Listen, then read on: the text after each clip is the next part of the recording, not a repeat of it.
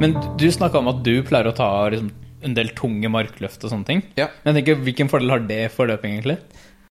Ok, burde jeg ha gjort 32 km noen ganger før jeg skal løpe 32 km race? Det var liksom en av de tingene jeg tenkte på. Mm. Men nå å- nå, har- nå hører jeg med en gang at du har sånn race-mentalitet. Eh, jeg, men min mentalitet er at jeg, jeg løper kun mot meg selv. Jeg skal bare gjennomføre, liksom. Ja, ja. Kan, apropos sirup, kan jeg bare kan kan jeg bare nevne det i stad når vi var oppe på Grefsen Goldtoppen og du holdt på å stjele honningen til de ja, du kan fortelle historien. Jeg, jeg som fattig bo- løpeboms. Ja, dette her var sånn jeg bare wow, man, dette her er rough, altså. Ja, folkens. Det der, det der var en liten smakebit fra det du kan vente deg i denne episoden med han eh, Bilal Shodri. Og eh, Bilal Shodri, det er kanskje et navn som du husker, eller du har hørt før. Og um, enten så er det fordi at du hørte episode nummer 11, Back in the Day. Um, det er vel nesten Ja, det, det er over et år. Eh, 17. mars kom denne episoden. Uh, og da snakka jeg og Bilal om uh, slåssing og bro science. Fordi eh, Andre grunnen til at du kanskje har hørt navnet hans, er fordi at han har en podkast som heter eh, Oslo Fight Night. Og eh, han Bilal han eh, er kjempeinteressert i MMA og uh, fighting, så uh, Ja, og det er egentlig helt irrelevant akkurat nå, men uh, Ja, hvor jeg skal ta det her videre. Han, han Bilal, han han har nesten aldri løpt en meter i hele sitt liv, og nå skal han plutselig løpe Tromsø Sky Race, og jeg skal hjelpe han på veien. Og jeg tenker å gjøre en liten serie på det her, at vi skal, vi skal følge, altså vi som i meg og deg, lytter. Vi skal følge han Bilal sin trening opp mot uh, Skyracer. Jeg skal hjelpe han med tips og triks, både med, med trening, mentalitet, utstyr eh, og alt han måtte lure på, tenker jeg. Og da indirekte så håper jeg at du lytter også plukke opp litt snacks eh, på veien som kan være, være relevant for deg. Ikke, ikke det at du kanskje skal springe Tromsø Sky men jeg tror at det kan være mye bra å hente. Eh, med tanke på terrengløping og, og fjelløping og ultraløping her. Så eh, det tror jeg Det er på en måte det jeg ser på som verdien av den podkastserien her. Vi skal rett og slett følge Bilal Shodri sin vei til Tromsø Sky Race, og forhåpentligvis da så blir ikke det her bare sånn her et innfall han hadde og en gjennomføring han skal gjøre, og så er det ferdig, er det ferdig med, med det når han, når han har gjennomført Tromsø Skyrace. Vi skal gjøre han Bilal til en, til en ordentlig ultraløper, en ordentlig skyrunner. Han skal bli rett og slett eh, Han skal bli avhengig. Folkens, vi skal, vi skal embrace han Bilal inn, inn i vår lille community, akkurat som eh, crossfittere gjør når de kommer inn i, gym, i gymmen. Vi skal få han til å begynne å uh, Akkurat som crossfittere får folk inn på paleo-dietten. Vi skal få Bilal inn på ultradietten, hva nå enn det uh, innebærer. ta, ta og Send Bilal en melding hvis dere, hvis dere uh, vil gi han en liten shout-out. Jeg skal gjøre den introen her veldig kort. Um, jo, det, det, er mye bra innhold i vente, folkens. Dette er jo episode nummer 53. Og Nei, vent nå, 52. Og jeg har allerede spilt inn episode 53. Og, og det blir bare mer og mer løpesnacks her, folkens. Fordi at episode 53, der kommer eh, eh, jeg, hadde nett, jeg hadde faktisk i går hadde jeg besøk av han Askild eh, Vatnbakk Larsen og hun Elisabeth Borgersen. Eh, Askild kom på tredjeplass i NM i helga, og hun eh, Elisabeth kom på åttende i eh, Madeira. Eh, Ultratrail eh, Madeira. Eh, så det er liksom Altså, hallo. Tre raske folk i ett rom snakker om opp, optimalisering, eller tapering, opp mot et race.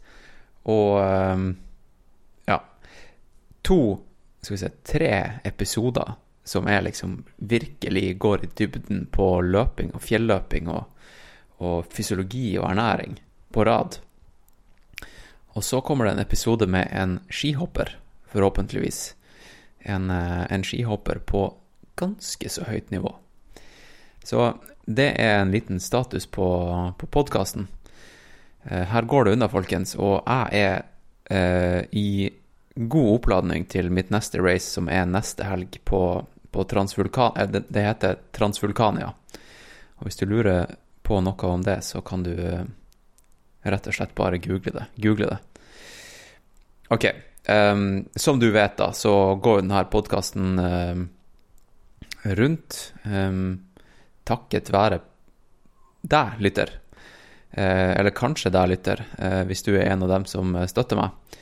Og um, hvis du ikke støtter meg, ta og, ta og, og vurder, vurder, det.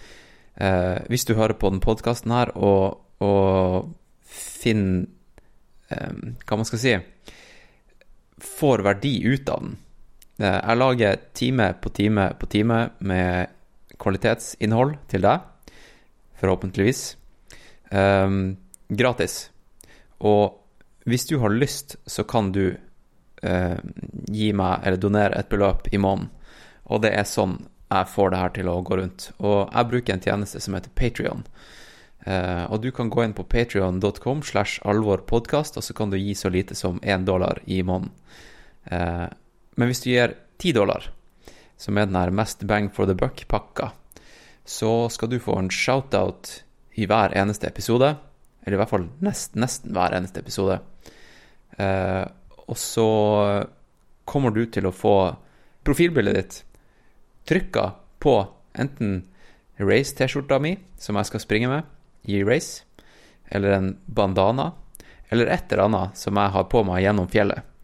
Så jeg kommer til å ta ansiktet ditt med meg, rett og slett fordi du støtter både podkasten og min løpekarriere indirekte. Eh, så det er på en måte min måte å vise min, min takk til deg. Uh, I tillegg da, så får jo du da tilgang til behind the scenes-innhold. Uh, og du får høre, høre, episodene før alle andre. F.eks. denne episoden med Bilal. Den lanserte jeg for et par dager siden på, på Patrion. Så det er mange som har hørt den her allerede, folkens. Og eh, noen ganger så spiller jeg inn custom intro og forteller litt om litt om andre saker og ting som foregår eh, bak, bak eh, kulissene her. Så um, hvis du er fan, ta og vurder det. Uh, seriøst. Og så kan du um, Hvis du ikke har råd til det, ta og, ta og stikk innom iTunes, og så gir du et par stjerner. Det kommer godt med også. For da sprer du ordet videre. Rett og slett, folkens, da er vi på syv og et halvt minutt, og jeg kommer til å eh, hoppe inn litt sånn midt i podkasten, og så kommer jeg til å gi en shout-out til de her patrionsene som jeg snakker om. Rett og slett, kanskje med litt musikk i bakgrunnen. Hvem vet? Kanskje det blir litt sprell i dag. Kanskje det blir, litt eh, sprell. Og forhåpentligvis så blir det sprell på deg også, lytter. Forhåpentligvis. Så kom deg ut, kom deg ut og spring, og så snakkes vi, snakkes vi når du har hørt episoden. Ok? Send meg en liten melding om det er noe du, du lurer på jeg skal ta opp med han eh, Bilal i neste, i neste Bilal Skyrunning-serieepisoden. Ok? Vi, vi snakkes. Hello, this is another one. Another one, baby. Welcome to Now Is It Alvor uh, with Hans Christian and friends.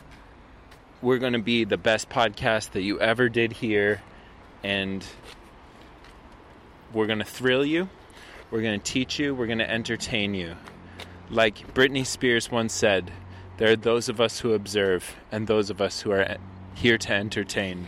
And we're here to entertain you, bitch.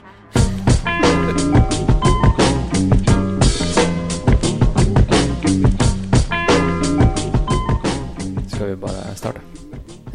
La oss bare starte. Ja. Ok, folkens. Uh, velkommen til denne uh, special edition. Er ikke special edition. Det er en uh, Hva man skal kalle det? det er, faktisk så er dagens gjest Han har vært med en gang tidligere. og det er Er det Det er over et år siden. Ja, det må være over et år siden. Mm. Og da Hvilke episodenummer var det? Det husker jeg ikke. Det var, kanskje det var en av de tidlige Nummer 13 eller noe sånt. Ja. Og da var det jo eh, ja, folk som kanskje Det er kanskje noen som husker stemmen hans. Han heter nemlig Bilal Shodri. Og um, denne episoden som vi snakker om, det var en episode dedikert til fighting. Yes. Fordi du har en MMA-podkast Ja. som, he, som fortalte deg akkurat at vi liker ikke å tenke på det som MMA-podkast lenger, for vi snakker mer bullshit enn vi snakker MMA, men ja, Ja, ja. La, oss, la oss kalle det det. Ja. Eh, som heter Fight Night Oslo. Mm. Så ja, det blir litt vanskelig å løsrive seg fra temaet fighting hvis dere skal fortsette med det navnet, tenker jeg. Fight Night Oslo. Men Fight Night Oslo kan jo være også verbal sparring, ikke sant? Ja, det kan jo bare handle om livet. At Ja, livet er en fight. At livet er en Det struggle. er det. Eh, og i fjor så satt vi på gulvet, uh, husker jeg, og recorda. Det var fordi du hadde Var det en du hadde ødelagt stol eller noe sånt? Du Ja. hadde, hadde ingen noen stoler? Ja, det var et eller annet sånt. Ja. Og, så, og så var jeg ja, litt sånn som i dag, at uh, inspirert av uh, andre kulturer rundt omkring i verden, der de sitter på utradisjonell måte og spiser utradisjonelle ting. Og det har vi egentlig gjort i dag også. Vi har det, altså. Du Eh, diska opp noe Jeg lagde, folkens, nå skal dere høre, før vi kommer inn på dagens tema, så skal dere høre hva, hva jeg lagde til, til lunsj til Abilal. For vi har nettopp vi har vært ute og sprunget i dag, opp og ned i Grefsenkollen, og så dro vi hjem til meg. Du også, har sprunget, jeg har holdt på å dø. Ja, og, så, og så lagde jeg en rett, og nå skal du høre. Ok, eh, du tar eh, quinoa. To, to varianter, svart og hvit quinoa, og så koker du det her opp, sånn som du gjør med quinoa. Og så eh, tar du havregryn, og så tar du alt det her opp i en, i en, i en gryte med vann.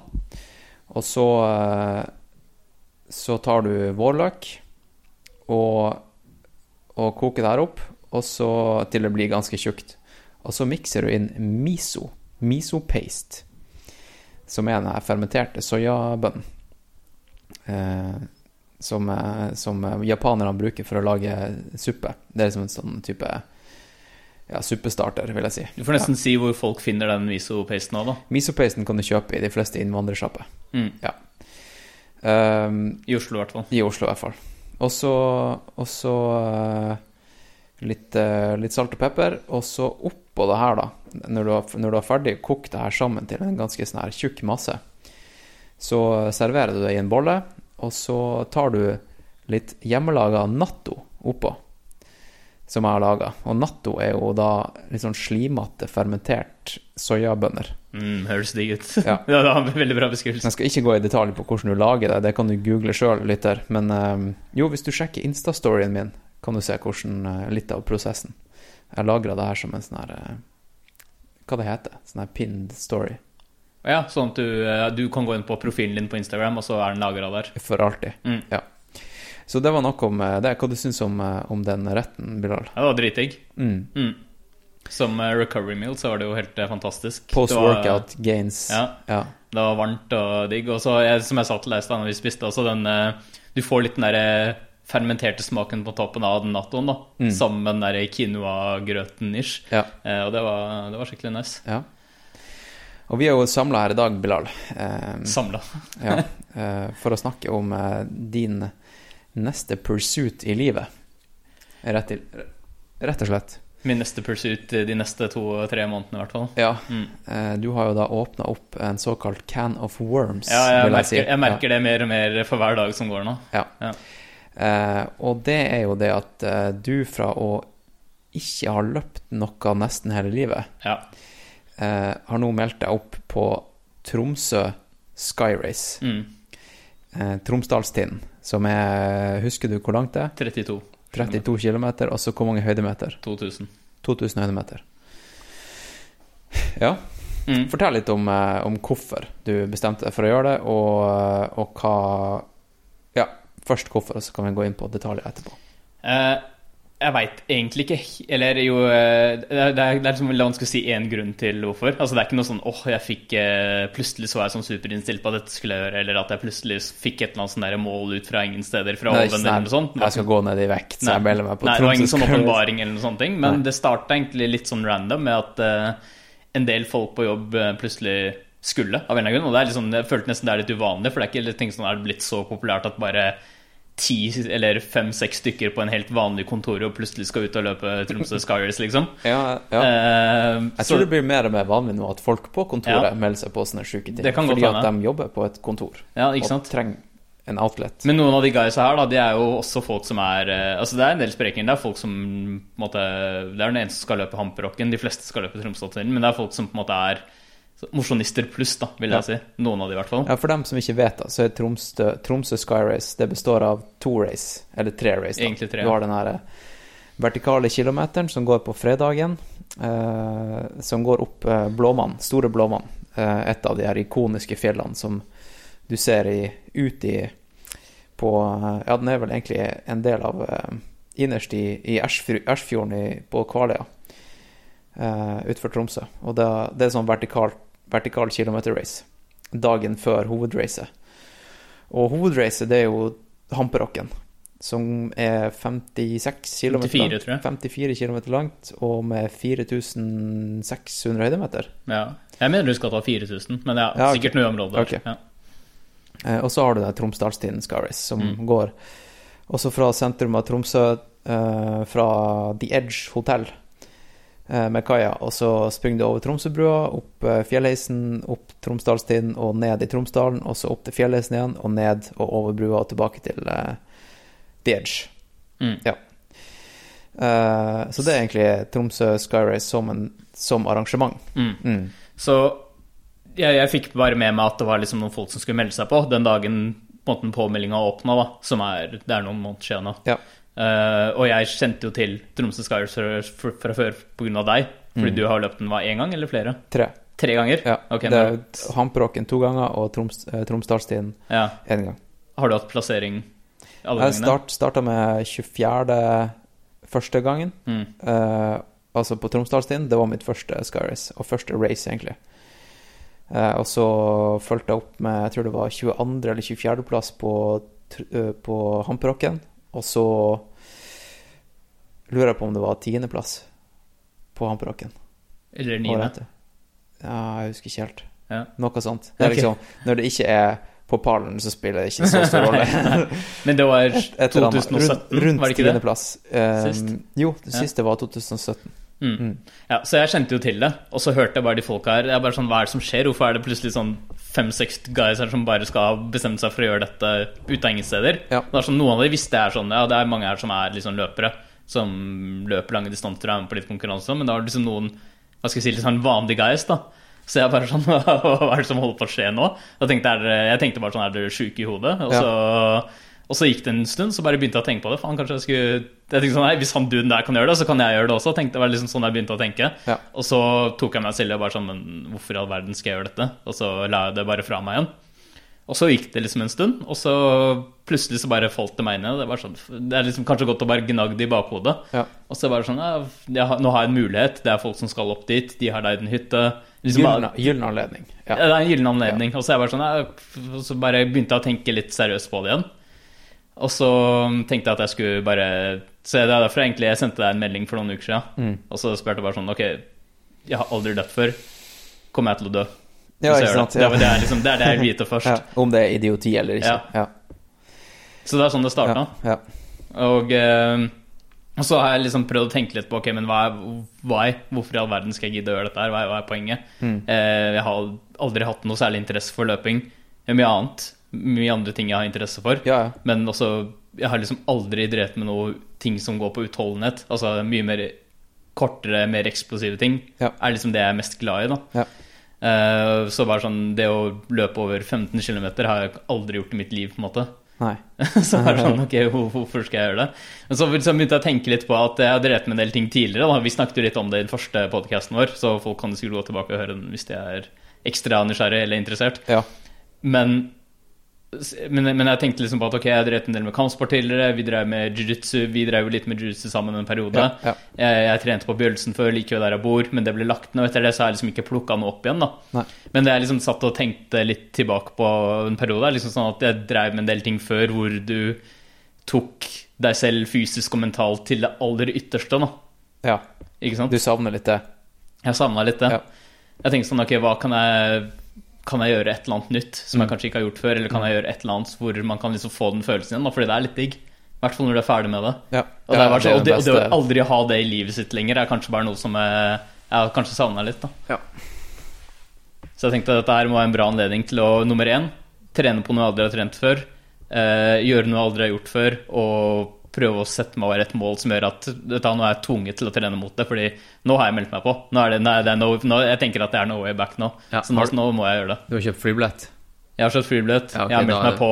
Det er den. Finansielt eh, Jeg er finansielt vunnet. Ja. ja, men det er fett.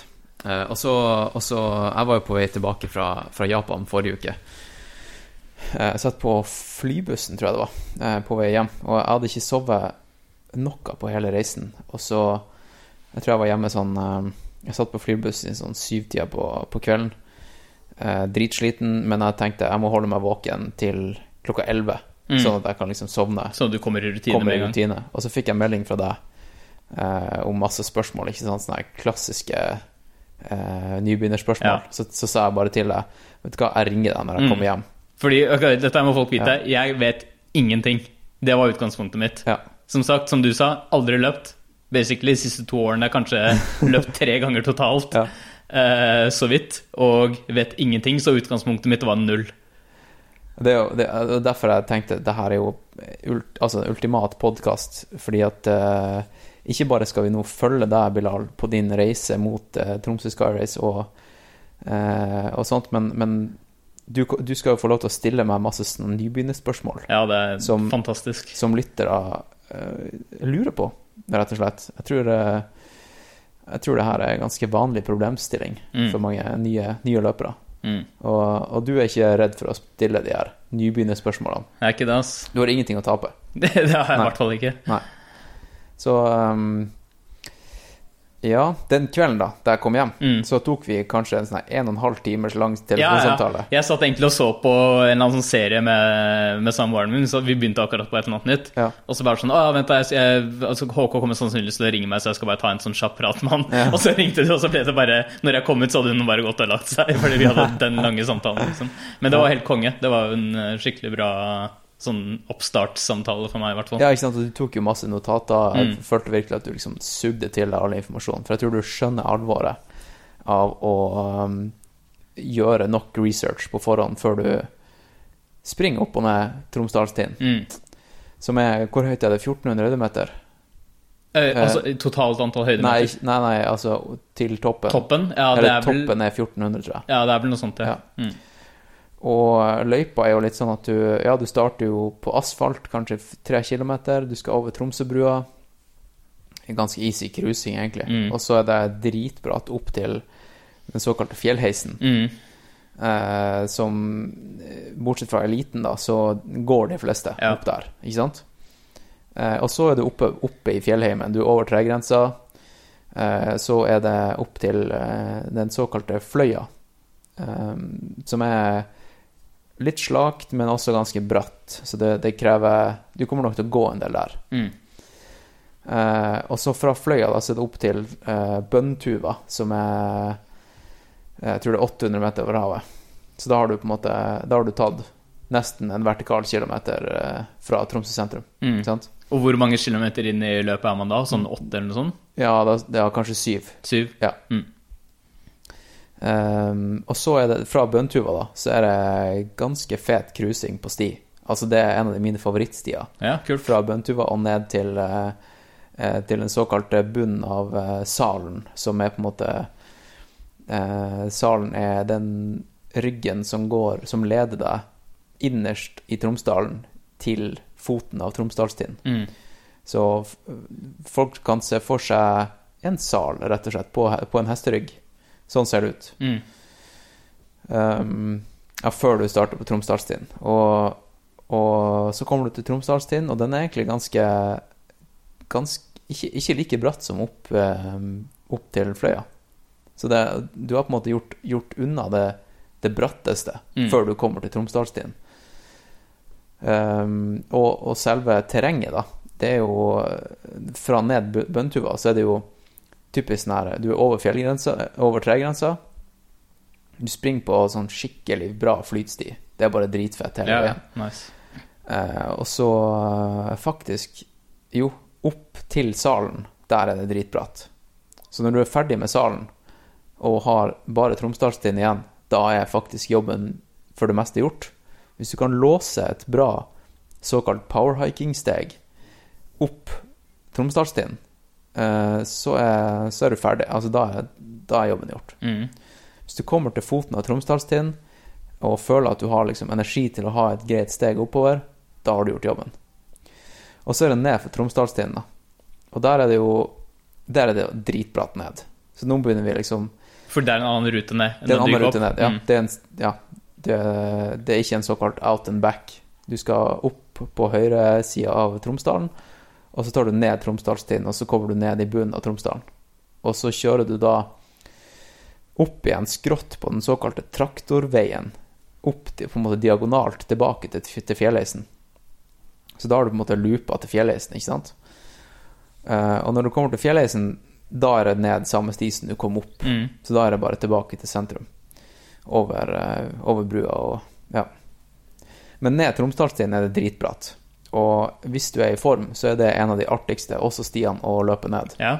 Ehm, rett og slett fordi det, det er så bratt at du må, må på en måte hoppe litt sånn sikksakk. Det er litt som sånn slalåm. Når det er såpass bratt at du ikke kan uh, bare cruise på puddersnø, så Mm. må du liksom hoppe for å kunne Hoppe sideveis for å kunne komme deg ned.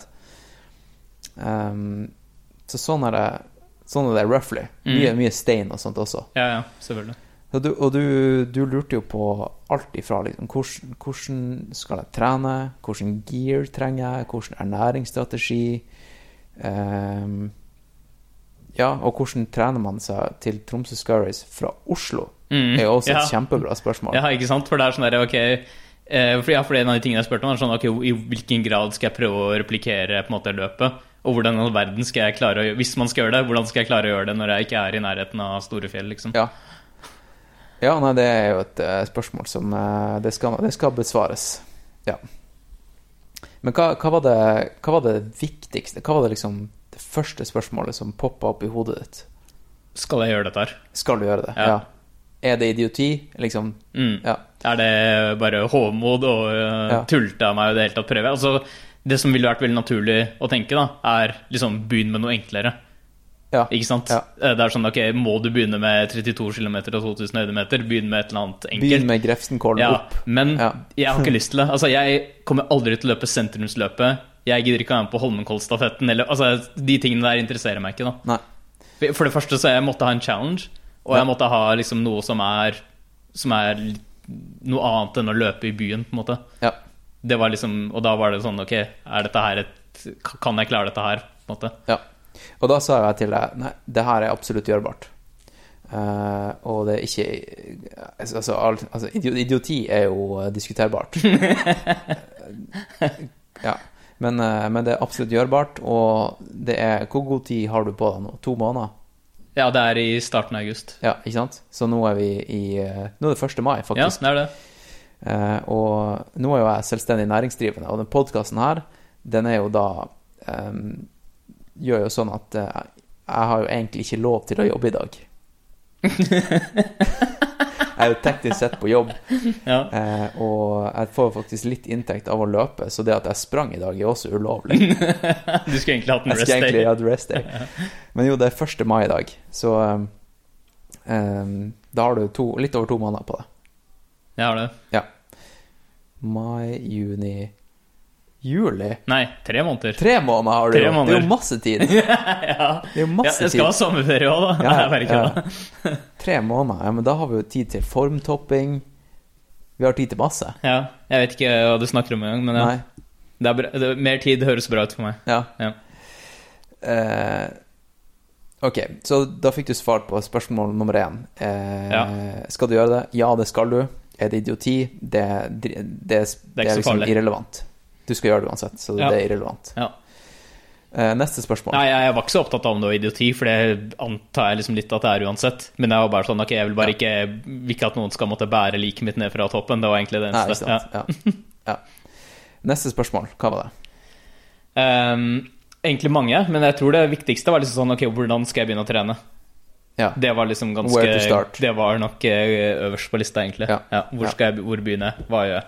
Ja. Og hvordan gjør jeg det? Og det var vel noe av det første jeg sa til deg, var ikke prøv på hver økt å bevise at du kan klare Tromsø Sky Mm. fordi da blir du skada.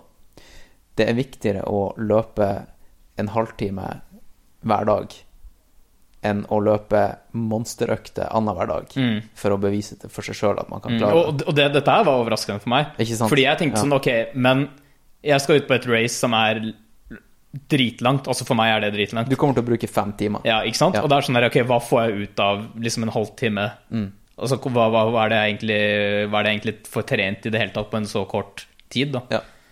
ja, nei, altså, nå sier ikke jeg til at du skal bare løpe en halvtime om dagen, Nei, nei. men eh, prinsippet om å, gjøre, om å kunne løpe eh, ofte, eh, det er viktigere enn enn de her monsterøktene. Mm. Eh, så consistency, det er dritviktig.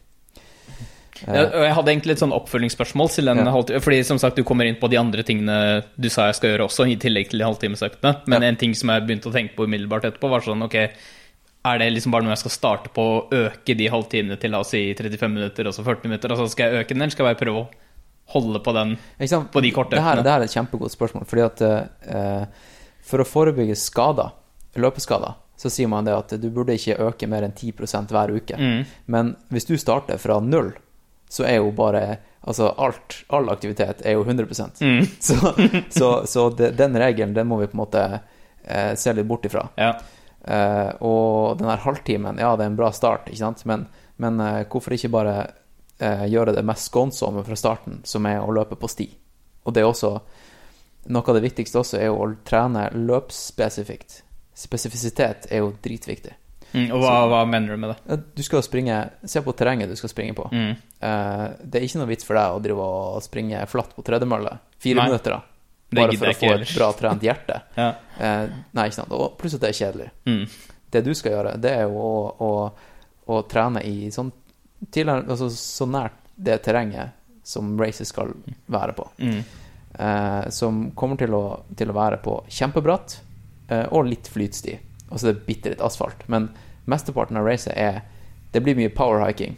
Så hvorfor ikke, ikke trene på dritbratt terreng? Mm. Sant?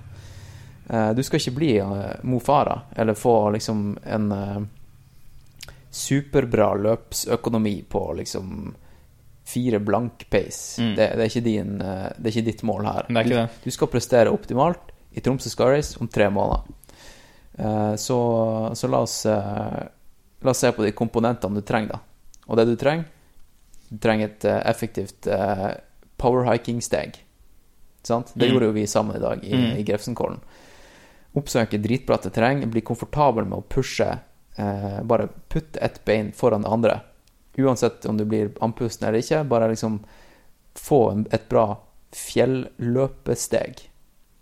Og det er liksom Det er så banalt som at du må gå mye i dritbra terreng. Men, men når du sier power powerhiking-steg, Ja. kan du ikke forklare hva du mener med det også? Fordi, ja, powerhiking, det er jo å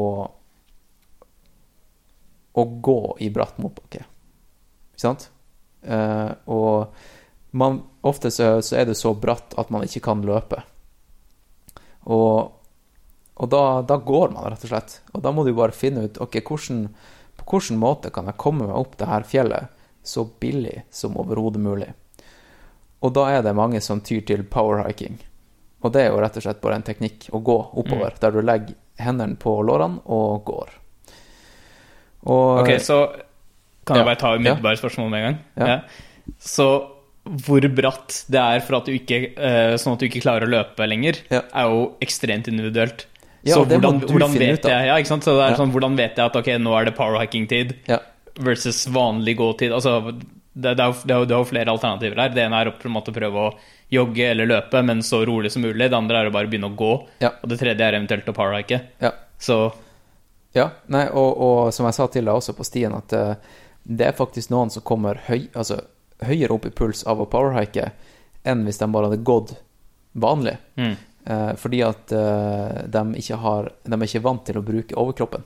De har ingen muskler i overkroppen, så da plutselig så reagerer hjertet på den måten at liksom, nå skal vi begynne å, å, Mm. å pumpe masse blod og bli dritsliten. Uh, Heldigvis har du- jeg du- bare trent biceps og triceps de siste to årene. Nei, men seriøst, skiløpere har jo stor fordel der. De Ja, har sant? masse overkroppsmuskulatur, og, Mm. og det er jo sånn i det her racet her, at, eh, og mange andre fjelløp, at mange bruker staver. Så skiløpere har jo stor fordel, ofte. Eh, men eh, du har jo drevet med fighting. Mm. Du har jo Litt. ja, ikke sant? Du, Eller, ja. du Mm. kan jo Du har det som bakgrunn, så vi må på en måte bare se hvordan, hvordan bakgrunn har du, og hvordan kan vi bake den inn på de tre månedene. Så da tar vi utgangspunkt i fightinga di. Ikke sant? Du, du har, du har eh, muskulatur i overkroppen, du er vant til å grinde, ikke sant? Du er vant til å ha det vondt. Det er det faktisk veldig mange som ikke har. Mm. Når de får vondt fordi at de er fysisk sliten, så tenker de at nå er det noe galt. Nå er- føler jeg ubehag med høy puls, eh, med smerte i muskulatur. Nå må jeg rett og slett roe ned. Mm. Den, den der sperren har ikke du. Nei. Fordi da vi var eh, på vei til toppen til Grefsenkollen i stad, så sa jo du Skal vi pushe litt? Og jeg trodde du var helt utkjørt. Og da sa du Skal vi pushe? Jeg var helt utkjørt. ja, ja, og så- og så tok du deg helt ut på toppen. Og det er det veldig få som har den egenskapen. ikke sant? Så det er jo et dritbra utgangspunkt. Mm. Uh, så det er kjempebra start. Uh, hvor var vi? Powerhacking? Mm. Ja. Uh, jo, du trenger treng rett og slett å bli flink på å, på å justere uh, motbakkesteget ditt. Når skal du gå, når skal du løpe? Ja. Eh, hvordan fart er det som du kan holde eh, over tid, der du ikke bygger opp for mye melkesyre, men samtidig eh, har, har et effektivt steg, ikke sant? Og det okay, nå, Det er nå, nå tar vi til- nybegynnerspørsmålene Ja, hardt ja. her. Altså. Hva er et effektivt right, da er vi tilbake. Nice. Og det eh, kan jeg bare si da til lytteren at eh, jeg gikk plutselig tom for batteri på Mm. denne recorderen her. Heldigvis plukka du det opp med en gang, da. Heldigvis, eh, ja, for jeg har jo headset på meg. Ja, ja, og, nettopp. og da plutselig så kom det ingen lyd i headsetet. Og da var det ble litt sånn eh, Det var litt krise oppi hodet mitt, for jeg tenkte shit, nå har den bare sletta alt vi har snakka Ja, om. det hadde vært Men, eh, men, eh, Men det var der. Det er der. Det ligger der. Konge. Um, ja, så da, da må vi bare pick up where we left. Ja. Og det er jo ti minutter siden, og vi snakka litt om uh, Hvor var det vi faktisk uh, left? Var det ikke powerhiking du snakka om? Det var powerhiking. Mm. Det var powerhiking. Og, og hva, hvilke komponent, komponenter og, og, og ting som du trenger å fokusere på. Mm. Ja, fordi sa, som jeg sa til deg, powerhiking var jo et helt nytt begrep for meg. Ja. Jeg bare tilfeldigvis Altså når jeg nå har prøvd å gjøre bitte litt research de siste par ukene, Ja. så kom jeg tilfeldigvis over en video hvor liksom noen demonstrerte så tenkte jeg å shit, er dette her en ting? Eh, men du Eller snakket jo kom, kom du over eh, powerwalking, som er når de gamle damene går med, med, vekt? Nei, det var powerhiking. Ja. Det var powerhiking. uh, basically det du viste meg i dag, da. Men det er liksom noe annet å se det live og på en måte prøve, prøve på det selv. Ja. Uh, men som sagt, jeg visste ikke om at dette var en greie engang før, før jeg så det. Nei, ikke sant? Uh, Skal, vi- skal vi snakke litt om, om, det, om den, det jeg sa til deg om teknikken? Mm. For det tror jeg lytteren kanskje kan dra nytte av også. Og det er, jo, det er jo hva man skal ha fokus på når man powerhiker. Uh, og nå er jo ikke det her noe sånn her som er skrevet i en bok som jeg har en fasit på. Det står ikke på Wikipedia hva du skal eh, liksom tenke på. Men det her er i hvert fall min erfaring, da. Og da jeg prøvde å, å, å si det her til deg i stad, så fikk jeg en liten åpenbaring også. Ikke sant? Ok. Det er litt sånn når du lærer bort ting, at, Ja, ja, du, at, du, at da skjønner du det virkelig sjøl også. Mm. Uh, og når jeg, når jeg powerhiker, så uh, har jeg Så låser jeg armen uh, på låret. Altså, jeg, jeg setter hånda på låret, og posisjonen på låret, det varierer ut ifra hvor bratt terrenget er. Så jo brattere terrenget er, jo nærmere kneet uh, kommer hånda. Og, og det, selvfølgelig det motsatte. Jo, jo, jo slakere det blir, jo høyere opp mot lysken går, eh, går hånda. Og jeg prøver egentlig å låse armen sånn at jeg lener meg på skuldra.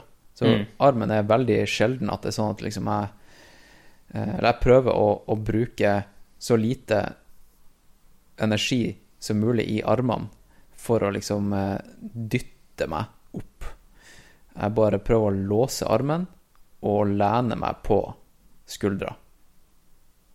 Gir det mening? Mm. Ja.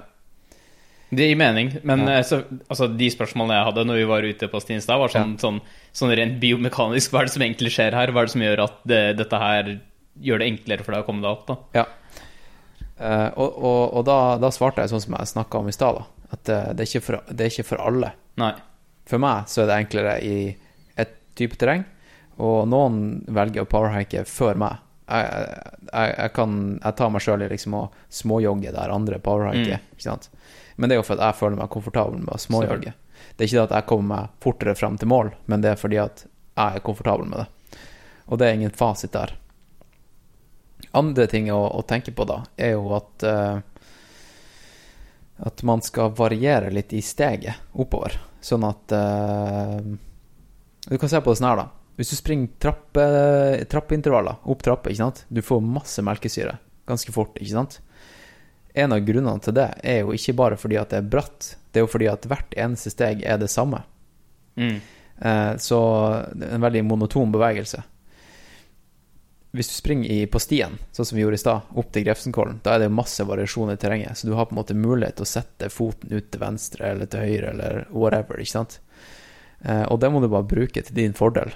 At, eh, at det hjelper deg i å få mer blodgjennomstrømming i beina.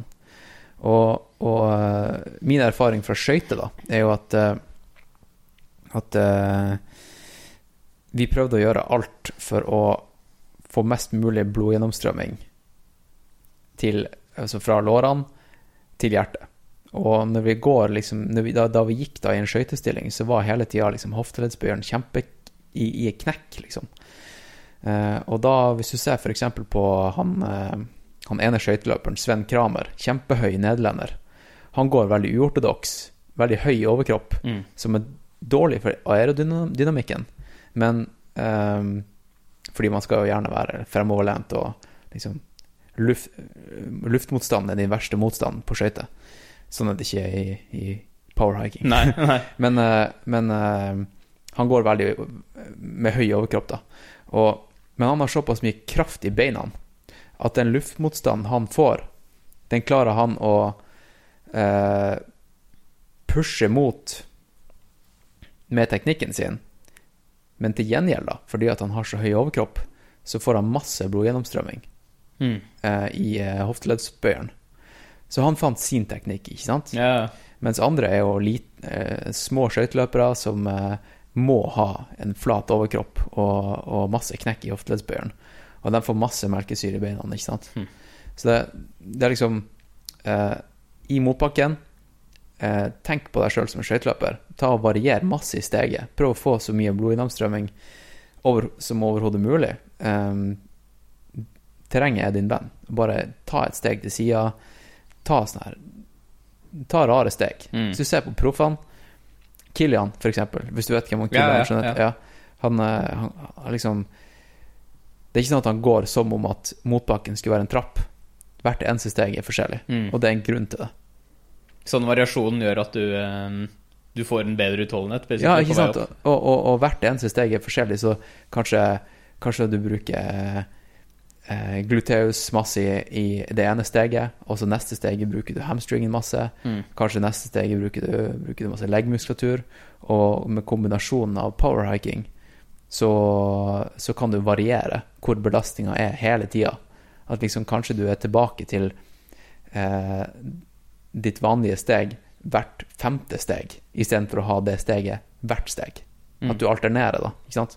Da kan, da kan du både avlaste muskulaturen, men eh, eh, Og du får en bedre blodgjennomstrømming i kroppen. Mm. Det er hovedpoenget. Yes. Ja. Så, men det som slår meg, da er litt sånn at i motsetning til på en måte vanlig løp, da, om du kan kalle det det Altså Ja. Hvis du skulle løpt en vanlig halvmaraton eller maraton eller whatever i, eh, på asfalt eller i, eh, i ja, hva som helst, Ja. så vil man jo ofte, vil jeg tro i hvert fall, prøve å holde liksom et ganske jevnt tempo over hele greia. Men på liksom fjelløp som dette her, så er det ganske mange sånn, taktskifter avhengig av liksom hvor plutselig blir det bratt, og så plutselig er det nedover. Ja. Altså det, Den variasjonen i terrenget gjør at det Altså selvfølgelig, du må variere tempoet ditt deretter også, da, og ikke bare tempo, men også hvordan du går eller løper. da. Ja. Så som du sier, da, plutselig må du løpe, plutselig må du gå litt, plutselig må du powerhike. Så, så det å bli vant til å på en måte vite med seg selv når man burde gjøre hva, må høres ut som en eh, sånn taktisk greie, i hvert fall. Ja, du må vite dine styrke, styrker og svakheter. Og la feltet gå. Eh, Plutselig, hvis du ser at eh, de er mye sterkere enn deg, i, der du vet at du har din svakhet, eh, men så må du være smart og tenke ja, kanskje jeg tar dem igjen i motbakken, fordi det er min styrke. Ikke sant? Men nå, har du, Ja, da det nå, har, liksom- nå hører jeg med en gang at du har sånn race-mentalitet. Ja. Eh, jeg, men min mentalitet er at jeg, jeg løper kun mot meg selv. Jeg skal bare gjennomføre, liksom. Ja, ja. ja, ja men uh, en annen ting, da, er jo at um, i maraton, eksempel, som er flatt og kalkulerbart, ikke Mm. sant, så, så kan du sette deg ned med et skjema og lage sånne her splits, ikke sant, der du sier liksom ja, jeg skal være på fem kilometer etter så og så lang tid, mm. og da ligger du på skjema. Men i et sånn her type race, da, nå har jeg litt sånn race-mentalitet eh, igjen, da, men Ja, ja. da er det liksom Vi så eksempel en video fra Transvulkania 2018 i stad, Som du skal løpe som om jeg skal løpe om to uker. Mm. Eh, I underkant av to uker, faktisk. Men eh, Og da sa han der kommentatoren at eh, ja, det var ganske langt etter at, vin at vinneren i fjor sprang ganske langt etter eh, rekordtida. Men han vant, ikke sant? Mm. Eh, og det er det det handler om i sånn her type race. Det handler om å, om å gjøre det best mulig den dagen. Fordi terrenget kan være noe helt annet i år enn det var i fjor. Å ja, ok. Ikke sant? Altså Det kan være masse snø i fjellet. Ja, sånn, ja. Det var ikke snø i fjor, eller noe sånt. Mm. Eh, eller at eh, eh, dem du racer mot, er mye raskere i år. Så derfor pusher du deg sjøl også raskere i år. Mm. Men eh, neste år så kanskje er det sånn at du springer mot eh, litt eh, tregere folk. Så derfor trengte du ikke å springe så fort for å vinne. Mm. Sånne ting, da. Og, mens i maraton, da er liksom alt sånn her Da har du liksom trent Da, da vet du hvor melkesyreterskelen din ligger på. Eh, du vet hvilken puls du har når du uh, til en gitt fart. Du vet hvor mye du tåler over en gitt periode. Du vet liksom når du kan gå næringstom hvis du holder det tempoet. I fjelløping, liksom, det det er så sykt mange andre ting å tenke på Ja. enn det her, da. Og, og noen ganger så må du sette inn støtet, ikke sant? Plutselig så så du må ta deg råd til å gå over melk melkesyreterskelen ikke sant, i enkelte perioder, og bare ha selvtillit da, og vite det at ja, vet du hva, det er fem timer igjen av racet, jeg kan hente meg inn igjen, Mm. liksom. Mye kan skje. Så det, eh, det dummeste folk kan gjøre når de starter med å trene seg opp til Tromsø Skyrace, eksempel, er jo bare å, prøve å bli en rask løper, Mm. ikke sant? Og springe sånn her slak i motbakkedrag. Det er ikke det som er viktig. Du må rett og slett bli flink til å løpe i terrenget. Mm. Ja. Kult. Ja. Ehm, ja. Du, du hadde jo selvfølgelig masse andre spørsmål. Jeg hadde det. Ja, fikk du svar? Har vi, har vi drept eh, powerhiking-greia? Ja, ja, Ja. Det, vi kan legge den bak oss. Ja. Men det vi også på en måte tidligere var inne på, var at som du sa, du, en av de tingene du snakket om, var jo det å få den consistencyen, ikke sant? Og at det var Ja. liksom Få heller en halvtimes økt Ja. eh, flere ganger i uka, som du sa. Men det var ikke det eneste du fortalte om, du, eller du sa at jeg skulle gjøre. Du snakket jo også om eh, flere ting som jeg må gjøre i løpet av en, en uke. Hver uke. Ja. Ja, det kan være nice eh, selvfølgelig å ta og få seg en, en liten selvtillitsboost i ny og ne. Mm. At du ikke bare springer de korte turene og liksom øker litt og litt og litt. Men at du tar deg liksom en langtur Mm. relativt til deg. Altså hva er det, hva er det som er en langtur for deg? Eh, og da sa jeg vel egentlig til deg en og en halv time. Ja. Ikke tenk distanse, bare tenk en og en halv time løping. I, eh, ja, tenk måte tid, og ikke Ja. avstand. Ja. Mm. Og det er også noe som differensierer denne type løpinga med, med maratontrening. Er at eh, hvis jeg skulle skrevet et treningsprogram til deg nå, så ville det kanskje ikke handla så veldig mye om kilometer, men mer tid på beina Mm. og høydemeter og liksom terrengfokus. Um, fordi det er såpass knapt med tid til, til racet. Mm. Så, så kanskje én sånn type tur i uka, det som er litt lengre. Eh, og så selvfølgelig skal du ha deg én til to eh, ordentlige pusheøkter. Eh, der jeg tenker der, der rett og slett eh, Der det er motbakke og powerhiking og, og sånt involvert. Der du får jobba med hjertet også, der du blir faktisk i liksom fysisk bra form. Mm. I tillegg til å jobbe spesifikt mot det du trenger i racet. Så får du begge to, altså mest bang for the buck. Fordi du kan jo bli i bra form på mange måter. Du kan jo dra og slå på en boksesekk Ja, ja. i, i to timer ikke sant? og få cardio-workout. Men, men eh, det er jo ikke bokser du skal bli. det er ikke det. Så hvis du vil få cardio i tillegg til løpe motbakkesteg og sånt, eh, så er det det du må gjøre. Mm. Og så er det jo det der med Hvordan ser en sånn session ut?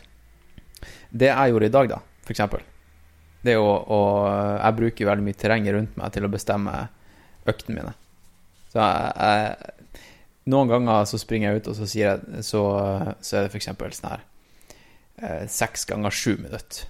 Men, men eh, det har slutta å gi mening for meg. Jeg sier heller eh, så og så mange ganger opp Grefsenkollen. Mm. For jeg vet hvor lang tid det er opp dit, sånn cirka. Og liksom um, Litt sånn som du gjorde i dag. Sånn som jeg gjør i dag, ja. Mm. Og, og hvis du er komfortabel med å dra opp til Grefsenkollen eh, og gjøre sånn type økter to ganger i uka, kanskje, så, så kan du eh, kanskje istedenfor å gjøre sånn som meg, da, der jeg pusher helt opp, at det er liksom ett drag, så kan du dele det i to. Mm. Eh, der du sier eh, at eh, du pusher fem-seks minutter om gangen, og så får du deg totalt to turer opp til Grefsenkollen. da. At du får liksom eh. Fire intervaller, basically, hvis du deler det opp i ja, to. Og så kan du øke derfra. Men eh, jeg tror det viktigste er at du får minimum 20-25 minutter i arbeidstid, altså Mm. i pushing. Ja. Så hvis du har da én til to sånne her type pusheøkter i uka, én rolig langtur, og så kan resten bli en bonus, ikke sant? Der du bare eh, springer småturer Mm. her og der. Altså tulleturer langs Akerselva, eller Ja, ja. ikke sant? Det er de halvtimene dine. Ja. Mm. Uh, og nå tenker sikkert mange lyttere sånn her, faen, er det, han Det høres mye ut. Det her høres jævlig mye ut for en nybegynner. Jeg er helt enig, det gjør, gjør kanskje det. Så uh, vær sykt forsiktig. Ta og Kjenn etter, liksom. Kjenn etter om det er noen sånne niggles her og der, Mm. og ikke tenk sånn her Hans Christian sa at du skulle gjøre det og det og det. Eh, det viktigste er at du blir kjent med kroppen din og skjønner hva du tåler. Mm. Og som jeg sa i stad, det er dritfett at du har en treningsbakgrunn. Ikke sant? Mm. At, du ikke, at du ikke blir redd på feile premisser over hva slags belastning kroppen din tåler. Mm. Eh, som sagt, da, mange blir redd når de får høy puls. Det blir ikke du. Nei, men samtidig så er det også sånn det, Altså, de eh, Faktisk, før jeg snakka med Før jeg snakket med deg på, på telefon, den, det du snakket om i stad da du var på vei hjem fra Japan og sånn, Ja. så var det sånn Ok, jeg tenkte jeg må, jeg må bare ut og ta en liten tur og bare kjenne på hvordan det kjennes ut. Ja. Siden bare fordi det er så lenge siden jeg har løpt, da. Og da var jeg på liksom Joina en kompis, og så løp jeg ute i et par timer eller noe sånt. Og da, sånn, da hadde jeg jo vondt overalt etterpå. ikke sant? Ja, ikke sant? Det er sånn her, å, jeg kjenner litt i kneet, jeg har pain under foten, og det er liksom mye ting. Så hvis du er helt ny og begynner å kjenne de tingene der, da, hvordan skal du deale med det? Ja, hvordan skal man deale med det? Eh, det tror jeg du bare må deale med på den måten eh, du og ingen andre enn du kan deale med. Mm. Bare bli kjent med kroppen, rett og slett. Det, det, vet du hva? det viktigste jeg, jeg har eh, funnet ut av alle de årene jeg har drevet med idrett, det er at de beste idrettsutøverne, det er ikke dem som trener mest. Det er dem som eh, er mest kjent med kroppen sin og skjønner hvilken type trening som er best for dem, og hvordan de responderer best. Altså, noen har korte muskelfibre, andre har lange. Eh, noen responderer veldig bra på korte, superintensitive intervaller. Eh, andre burde løfte mye vekter. Noen responderer veldig bra på ekstremt mye mengde og lav, lav intensitet. Mm. Eh, så måten du dealer med sånne her type vondter, og liksom hva som er en bra vondte Altså nå, når du kommer hjem fra en økt, så skal du ikke føle at eh, du har knekt av deg skinnleggen. Nei. Fordi det er en kjip vondte. Da har du brekt skinnleggen.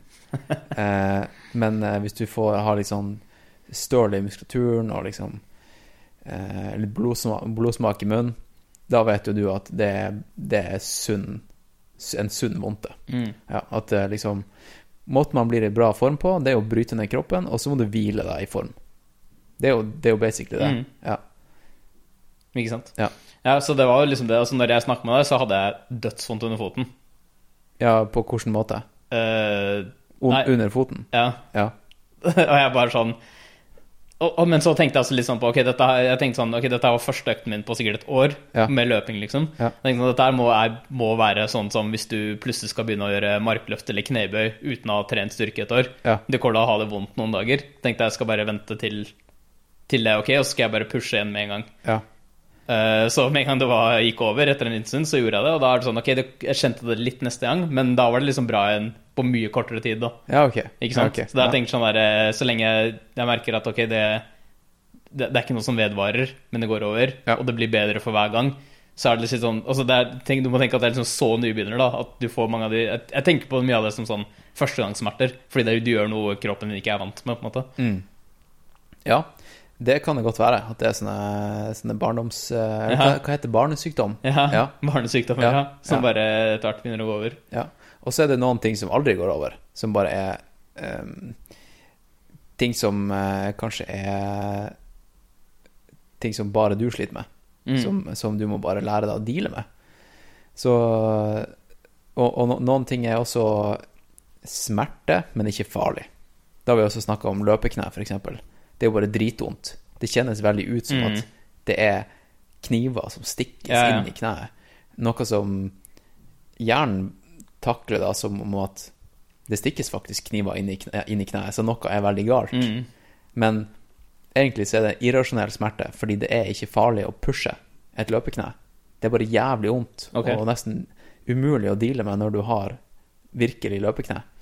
Uh, men uh, ja. Og det er, ikke noe, det er ikke noe fasit på hvordan man blir kvitt løpekne heller. Nei, nei, det er ikke det. Nei, det må du finne ut av. Ja. Det, det er jo mange metoder å bli kvitt det på. Du må bare teste ut alle de metodene og eh, finne ut hva er som er best for deg. Mm. Jeg vet ikke om det svarte deg på noe. Jo, jo, nei, Ja. jeg syns det var bare bra. Ja. Mm. Ja. Um, men vi, vi snakket også om dette her med eh, egentlig flere ting, da, men dette her med å liksom I hvilken grad skal man prøve å gjenskape racet? Det er en sånn ting jeg spurte ham på Ja. telefon. Ja. Og da tenkte jeg ikke bare på ikke sant, en ting, Noe av det har vi allerede snakket om, sånn som det at ikke sant, du prøver å løpe i det terrenget, altså prøve å gjenskape terreng så mye som Ja. mulig, og sånne ting, men du kan ikke få Eller i hvert fall vi, da, som er i Oslo her, kan ikke få de lange, lange eh, oppover motbakkene så lett, da. Eh, og det er også, også Og det er liksom én del av det, men det andre var også sånn Ok, burde jeg ha gjort 32 km noen ganger før jeg skal løpe 32 km race? Det var liksom en av de tingene jeg tenkte på. Mm. Eller, eller trener man smartere enn det, måte, hvis du skjønner hva jeg mener? Ja. Eh, jeg, hvis jeg skulle sprunget den distansen din, så ville jeg eh, Ja, jeg ville sprunget masse 32 km, Mm. fordi jeg kan gjøre det. Jeg Mm. gjør det hver helg, ikke sant? Eh, og, Men ok, ta, ja, ok. men, men du burde ikke gjøre det. Du burde absolutt ikke gjøre det.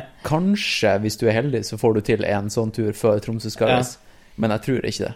Jeg tror ikke du burde gjøre det. Nei. Eh, Og, hvorfor ikke? nei, det er for skadelig for kroppen din. Mm. Så det går til å ta for den til å du har- recover? Du har, ikke, du har liksom ikke noe nytte av det, nei. Mm. Eh, Det er ikke det at du blir skada, men eh, som sagt at trening handler om å bryte ned kroppen på en sunn måte for å så komme seg igjen. Og det viktigste for deg det er at du får løpt igjen eh, og trent mye. Så hvis den økta der bryter deg masse ned, og at det tar ei uke før du kommer deg igjen, så har det jo ingen god effekt. Nei, altså du skal, du skal bounce tilbake på én eller to dager, ikke sant. Det er derfor de er, de er små, korte øktene er kjempeviktige. Mm. Ja, det, men det var altså litt sånn jeg tenkte. Da. Jeg tenkte sånn, ok, Greit, 32 er jo ikke så langt. Og som du sier, du hadde jo ikke hatt Eller hvem som helst som er i liksom, bra form eller har løpt mye, kunne jo Ja. fint klart det. Ja. Men jeg tenkte sånn, ok, ta i din situasjon, da. Hvis du skal løpe en eh, 84 km, så kommer ikke du til å trene masse 84 km løping i Nei, forkant av det, antageligvis. Nei, det var liksom det jeg tenkte, da. Kjempebra spørsmål. Og uh, Nei, helt, eh, helt sant. Det ville jeg aldri gjort. Ville aldri sprunget den distansen. Jeg, kom, jeg, uh, jeg har ikke sprunget 75 km i trening fordi at jeg skal springe 75 km neste helg. Mm. Men jeg har sprunget uh, masse såkalte back-to-back sessions, der jeg har sprunget en langtur én dag, og så langtur neste dag. Mm. Der jeg har starta neste dag på slitne bein. Ja, ikke sant. Ikke sant? Og det er jo en måte på en måte å utsette kroppen sin for en type pounding som du kan føle på eh, på andre halvdelen av racet. Ikke helt nøyaktig sånn, Mm. men det er i hvert fall en, en, av, en av metodene å, å simulere det Mm. på. Så har du fått litt recovery i mellomtida, i hvert fall. Ja. Mm. Så det kunne vi kanskje vurdert. At du kjørte sånn her eh, Nå må vi bli kjent med liksom hva, hvor, hvor langt er en langtur for deg. Mm. Men i hvert fall da, hvor langt kommer du med rolig tempo på stien på en og en halv time. Og så kunne du kjørt det samme igjen dagen etterpå. Og så kunne vi begynt å mikse opp med høydemeter. For Mm. eksempel eh, i Oslo så har vi jo Villeløypa. Opp, opp ned Oslos bratteste Mm. løypa. Eh, dit skal jeg i morgen, for eksempel. For å få inn eh, de her lange, eh, litt lengre dragene Mm. mot Hvor mange høydemeter er det? Jeg tror det Jeg tror ikke det er mer enn 350 Hvis, hvis, hvis jeg sier 350, så legger jeg godvilja til, tror jeg. Mm. Ja. Ok, så da er vi jo litt Det er liksom på opp fjellheisen. Det er sånn Ja, type ja. eh, Ja, sånn type Det er det. Ja. mm. Så da er vi litt tilbake på dette her, da. Hvordan trene til fjelløp når du ikke er i nærheten av fjell som er liksom høyere enn 350 meter? ja. Ja. Det er et kjempegodt spørsmål. Og, og eh, det er mange i Oslo som har blitt kjempegode fjelløpere. Eksempel, eh, eller ikke i Oslo, men liksom i på Som bor i lavt terreng. Jeg så et intervju med en av dem som eh, gjorde det dritbra på Madeira forrige helg. Han bor i Latvia, der det høyeste fjelltoppen er på Altså i byen hans er på 11 meter. ikke sant? Så en, på en eller annen måte så har han klart seg, ikke sant? ok, ja, jeg veldig lurer på hva, hva han har gjort for å Ja. Og eh, ma mange som har den situasjonen som, som er i den type geografiske situasjonen som vi er, vi, er i da, de oppsøker jo fjell f.eks. i helgen. Mm. Eh, Men hvis du var låst til å kun løpe her i Oslo, så er jo Grefsenkollen og Holmenkollen og Wyller din venn, Mm. rett og slett. Jeg har, jeg har hatt litt sånne her tanker om å, om å eh, simulere den poundinga som mye fjelløping gir, da, med å f.eks. løfte masse vekter, ikke sant? Mm. For så å dra ut og løpe. Ja, Men jeg har ikke gjort det ennå. Men jeg er bare sånn her Det må jo være en måte å gjøre det på. Ja, kanskje. Ja, Det skal ikke du gjøre. Nei, Men, men jeg er bare sånn her eh, I en setting der du f.eks.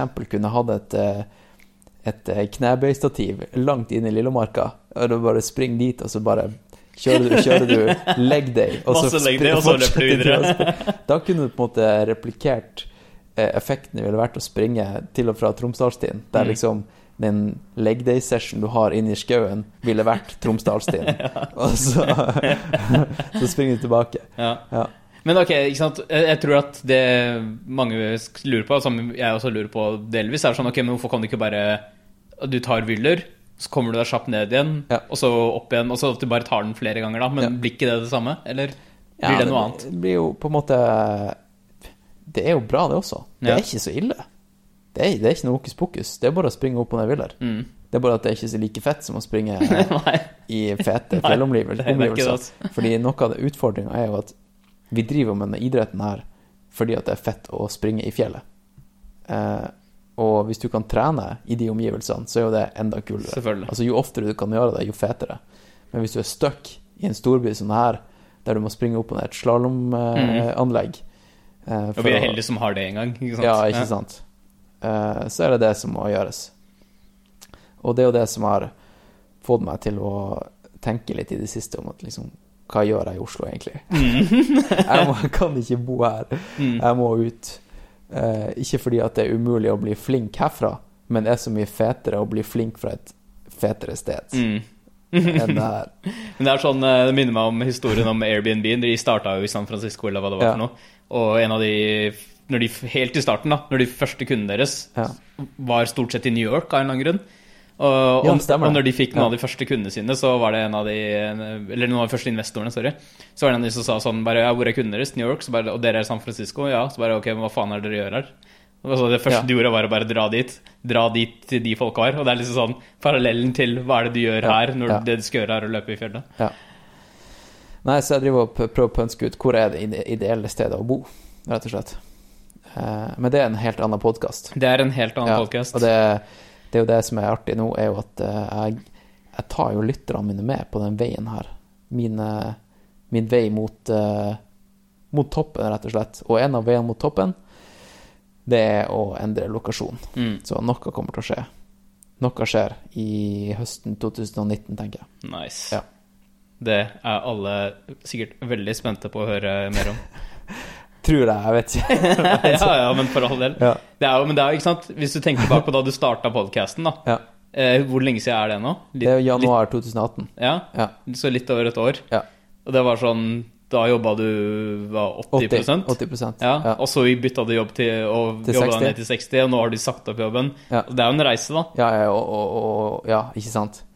Det, ja, man må tenke litt over det, liksom. Hva Ja, alle lytterne som har hørt alle episoder nå, og det er mange som har hørt alt, Mm -hmm. De har jo De har hørt mange timer, timer med deg. Ja, og det er faktisk det var, Jeg fikk melding fra ei som hadde hørt alle to ganger nå. Hæ? Ja.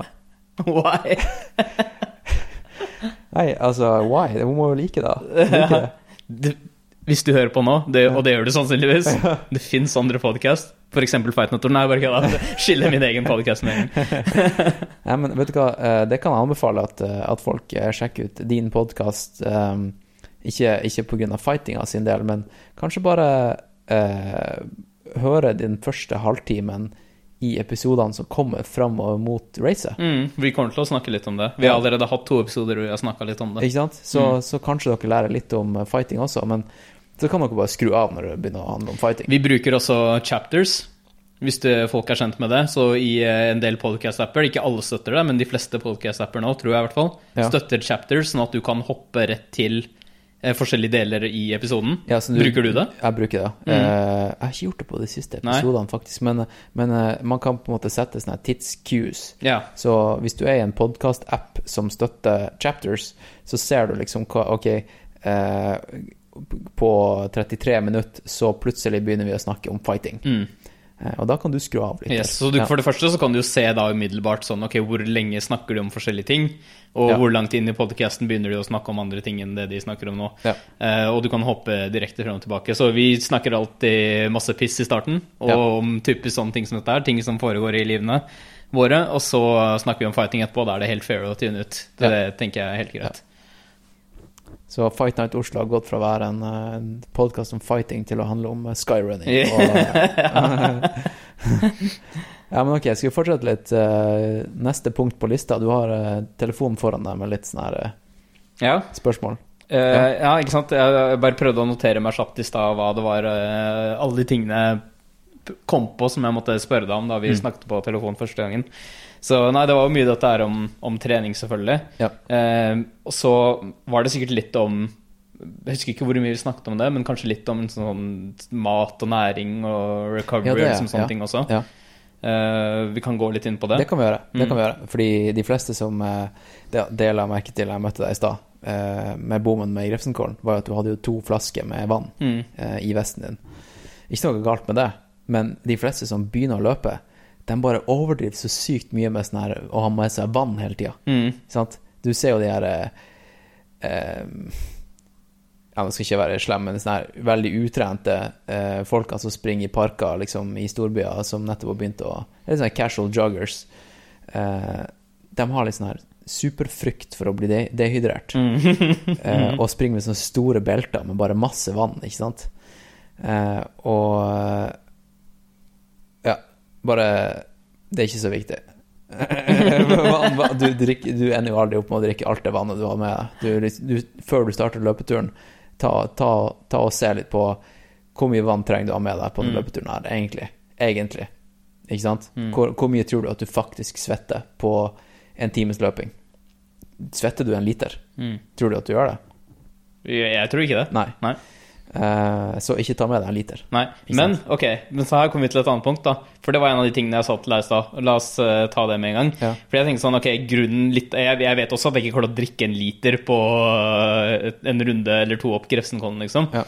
Men litt av grunnen til at vi gjør det, er fordi jeg vil prøve å mest mulig løpe med akkurat det samme som jeg kommer til å løpe Skyracer med. Kjempebra Altså, approach. For det er også, med- igjen med det med spesifisitet. Hvis du kan bli kjent med gearet ditt, og, og løpe med vest og, og, og flaske, dritbra. Mm. Men det er kult at du har den approachen, ikke fordi at du er redd for å gå tom for drikke. Nei, nei, jeg er ikke så veldig bekymra for det. Nei. Nei. Nei, for du har drevet med fasting og sånt, så det, det å gå nær, næringstom for din del er jo eh, Ja, ikke ikke. noe stress. Nei. Ehm, hva er det lengste du har fasta, forresten? Det lengste jeg har fasta? Ja. Nei, ikke noe særlig mer enn et døgn, liksom. Nei, for du var jo med på et sånt forskningseksperiment der du drev med sånn her uh, OMAD, Mm. one meal a One day, meal a day, ja. der du spiser én gang i døgnet. Yes. Det, ja, det var på, det var i, um, på idrettshøyskolen. Ja. Så var det en, det var en masterstudent da, som uh, hadde det som sin master, at han skulle liksom forske litt på det. Ja. Så hadde han en liten gruppe med folk som uh, testa først eh, Altså, vi gjorde Gikk først Var det to uker på tre måltid om dagen, og så to uker med ett måltid om dagen. Og underveis så gjorde vi masse tester på forskjellige ting. For å se hva som Du kjørte liksom sånn VO2 Max-tester og sånt? Ja. ja. Mm. Faen, det er kult, altså. Jeg gjorde det mye bedre på One Meal Day. Gjorde du det? Ja. Helt, helt var, merkelig. for å, bare for å liksom eh, ta en sånn her main takeaway, da. Mm. Altså, hva, hva var snackset du fikk av den, det eksperimentet der? Hva var det du lærte? Eh, altså, poenget er at jeg har jo eksperimentert en del sånn av og på med forskjellige typer. Altså mye sånn intermittent fasting og sånne ting, som har Ja. vært veldig sånn poppis de siste En årene. Men- trend. Ja, ja, Ja. egentlig. Men jeg Det er som alle som kaster seg på sånne trender sier. Jeg var in it før alle andre gjorde det. Ja, ja, ja. Men, eh, men eh, så, så egentlig så var det litt sånn Å, dette her er en mulighet til å faktisk teste noe og få litt data på det. Det var jo litt av grunnen til at jeg tenkte at det Mm. Nettopp, hørtes ja. kult For de fleste bare gjør det her fordi at det står i KK, Mhm. eh, og så gjør de det i to uker. Og så, Mm. De gikk kanskje ned eh, fem kilo, og så eh, går de tilbake til sin gamle livsstil etterpå. Mm. Og bounce tilbake. Ja. Altså, jeg vet Men- ikke om jeg har noe sånn super main takeaway, men eh, altså, veldig mange, for min del, og det kan godt hende at det var litt individuelt, det som er tingen er at han har ikke eh, jeg, tror han fortsatt holder på med på måte, å analysere resultater og faktisk skrive rapporter og alt det basert på resultatene han fikk. Ja. Så det har ikke kommet en sånn stor eh, måte, konklusjon eller en, eh, et skriveri ut av det enda. Nei, men du har, måtte, du har kanskje dratt en egen konklusjon. Ja. Hvordan, altså Din subjektive følelse er jo faktisk viktigere enn hva tallene sier. Selvfølgelig. Det er jo litt sånn som med løping også. Mm. Altså, hvis melkesyre Hvis det står på, et, på, et, eh, på en monitor på klokka di at, liksom, at du har så og så mye puls Det spiller ingen rolle hvis, hvis, du føler deg, hvis du føler deg bra, og pulsen er 200. Mm. Drit i det, liksom. Eh, Jeg følte meg egentlig altså For mange så høres det liksom ekstremt ut at du skal spise en gang om dagen bare, men for meg så funka det veldig bra, egentlig. Ok, hva spiste du i det måltidet? Du, Så mye som mulig. men, men, men, men gikk du liksom inn for å spise så kaloritette eh, ting som overhodet mulig, Ja. for å få i deg kaloriene? Ja, fordi det som er tingen, da, er at eh, man kunne sagt sånn nå, men jeg kan ta det som et sånn slankeeksperiment også, ikke sant, Ja. samtidig. Men eh, poenget med, den, eh, med det eksperimentet var at man ikke skulle gjøre det. Så du skulle ha på en måte, du skulle fylle ditt vanlige dagsbehov, Ja. og du hadde på en måte fått et antall kalorier basert på liksom hvor mye du veier og en del sånne ting på forhånd. Så, og det, og det, er liksom, det er ganske mye. Da skal du spise ganske mye. Ja. Så for å klare det, så måtte du spise ganske kaloridenst. Ja, for du kan ikke spise liksom 50 agurker. Nei, det, det kan du bare drite i. Altså, du må ha mye fett, og du må ha liksom, så mye, så mye kaloripakka ting som mulig. Da. Men du, Så, så det var vanskelig. Jeg syns det var var det vanskelig mye å klare å sånn fylle nøttesmør og, og kjøtt med mye fett og Ja. eh, Hvilke andre sånne key ingredients var det du gikk etter? Eh, oh, shit, nå- det, er, det er jo en del måneder tilbake, så jeg klarer liksom ikke helt å huske alt. Men jeg husker bare sånn altså, ting som kunne inneholde som du sier da, mye fett. Ting hvor Ja. du kan bruke mye smør og Ja, ja. og oljer og liksom sånne ting. Eh, Selvfølgelig nøtter og sånne ting som snacks er jo selvfølgelig genialt, fordi det er bare du ja. packer jo i deg kalorier. Um, men jeg, jeg prøvde også å holde et bra nivå på liksom, ja, alt fra proteiner til altså på makroen og sånn fulgte jeg også en del med sånn generelt. da. Men nei, det var bare Men det er så over to uker, så du kan ikke bli liksom sånn derre Du kan ikke gå inn på en sånn supersær diett. Du, du, du har lyst til å bare prøve å ha noen litt sånn normale måltid, men bare prøve å pakke det med ekstra kalorier der du kan. da ja. Jeg hørte han Wim Hoff, du vet han der eh, The Iceman. mm, Han har vært på Joe Rogan et par ganger. Okay. Han er sånn her eh, som har sprunget maraton i både ørken og, okay. og i minus 20 og i bar overkropp, liksom, i barbeint. Og ok. eh, går eh, Gikk Mount Everest i bare trusa. Han er sånn her uh, crazy dude. Uansett, da. Han, uh, han spiser ett måltid om dagen, og det er bare en stor bolle pasta. Liksom Ja, men uansett, da. Ja. Eh, ja, gå, pasta var en, av, en favoritt. Det funker som, funker som faen. ja, skal vi gå tilbake til uh, løpinga? Ja, la oss gjøre det. Eh, hva var det vi snakka om? Vi snakka om jo ernæring. Vi snakka litt om det, og fordi det er jo en ting da for meg, er jo at jeg er Men, ikke sant, og det relaterer seg litt til eksperimentene her. Grunnen til at jeg liksom kjører mye intermittent fasting og sånn, er fordi det kommer veldig naturlig for meg. Fordi Ja. jeg spiser ikke frokost, jeg har liksom aldri gjort det. Så det blir liksom naturlig at mitt første måltid er i lunsjtider. Ja, ja. Og så spiser jeg som regel middag. Og jeg foretrekker heller å ha på en måte litt større måltider når jeg først spiser. Ja, Og derfor passer det liksom veldig bra, da, istedenfor mange små måltider gjennom dagen. ja ok. Men jeg tenker sånn, jeg vet ikke om det er liksom ideelt sånn i forhold til når man skal ut og løpe nesten hver dag. da. Ja, Og så er det sånn, ok, så hva burde man spise, og når, og så videre. ja det, Du kommer jo garantert Hvis du da nå Hvis, hvis den treninga du gjør nå, at det liksom er For du har, du har jo trent litt før du starta med det her. Du har jo trent vekter og, Mm. og sånt, så det er ikke sånn at du starter fra ingenting. Nei, nei, altså, det, det kan man si da, sånn- de to, to siste årene. altså Når jeg sier at jeg ikke har trent noe løping, så er det løping jeg mener. Jeg har trent en del styrke og liksom sånne ting. Ja. Og det skjønte jeg også kan komme godt med, så det kan vi også gå inn på etter hvert. Ja, så din, din eh, Din appetitt Det er ikke sikkert at den kommer til å endre seg, Nei. men kanskje. Men du må jo kjenne litt på det. Altså, er du sulten, spis, da. Ja, nei, jeg, jeg, jeg tenker ikke så mye på Ja, ikke sant? Jeg skjønner hva du mener. ja. Ja. det kan være at løpinga, altså cardio-opplegget, som, som, som er nytt for deg, altså cardioen, Ja. eh, det kan kanskje endre rett og slett eh, eh, mengden kalorier kroppen din trenger, Mm. eller har lyst på. Sannsynligvis, ja. Ja, ja. Mm. Eh, og Ok, men hva er bra fuel før eh, du skal ut og løpe, da? før ei økt Det er en av de tingene jeg hadde tenkt å spørre deg om nå, faktisk, som et sånn oppfølgingsspørsmål. Ok, la oss si at du skal ut på, på morgenen på en lørdag.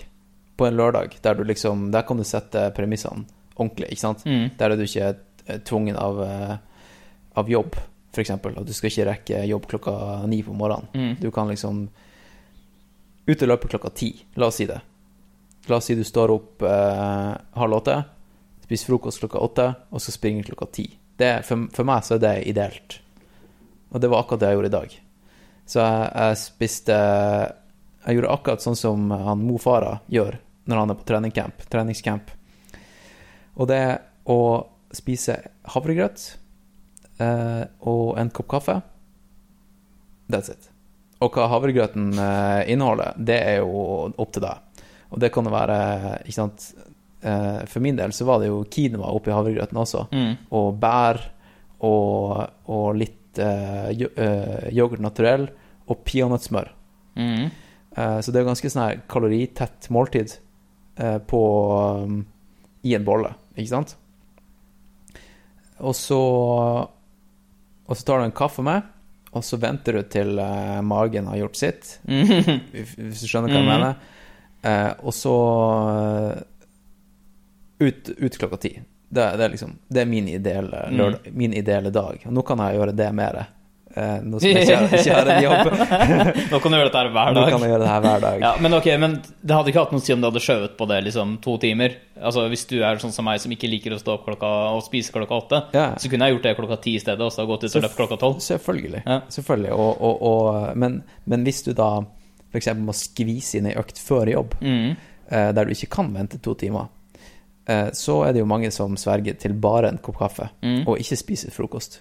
Og Ja, bare altså- ut i løpet. Fordi jeg har ikke noe problem med å I hvert fall når det kommer til styrke, så har jeg ikke noe problem med å trene fasted. Nei, det har jeg gjort masse. Nei, og, og, og, og du som ikke da har ekstreme mengder med trening, og føler deg vel med å trene på morgenen før frokost, hvorfor ikke? Men det er mange som gjør det, gjør det her for å gå, gå ned i vekt, Mm. og da har de feil mindset. Da er det ikke at du skal bli en bedre løper, Nei, nei. da skal du gå ned i vekt. Eh, fordi å springe på tom mage, selvfølgelig, eh, da Da må kroppen ta fra andre steder. Mm. Eh, og det er ikke alltid det man vil. Eh, så du må bare vite hvorfor du gjør det du gjør. Mm. Og Ok, så det var morgenen, ikke sant? Mm. Du, du, får, du får lov til å jogge før du spiser frokost. Bare du spiser frokost når du kommer hjem. Så det andre tingen da, er at eh, mange stresser jo med å få i seg mat med en gang. Liksom ta fram proteinshaken, ikke sant?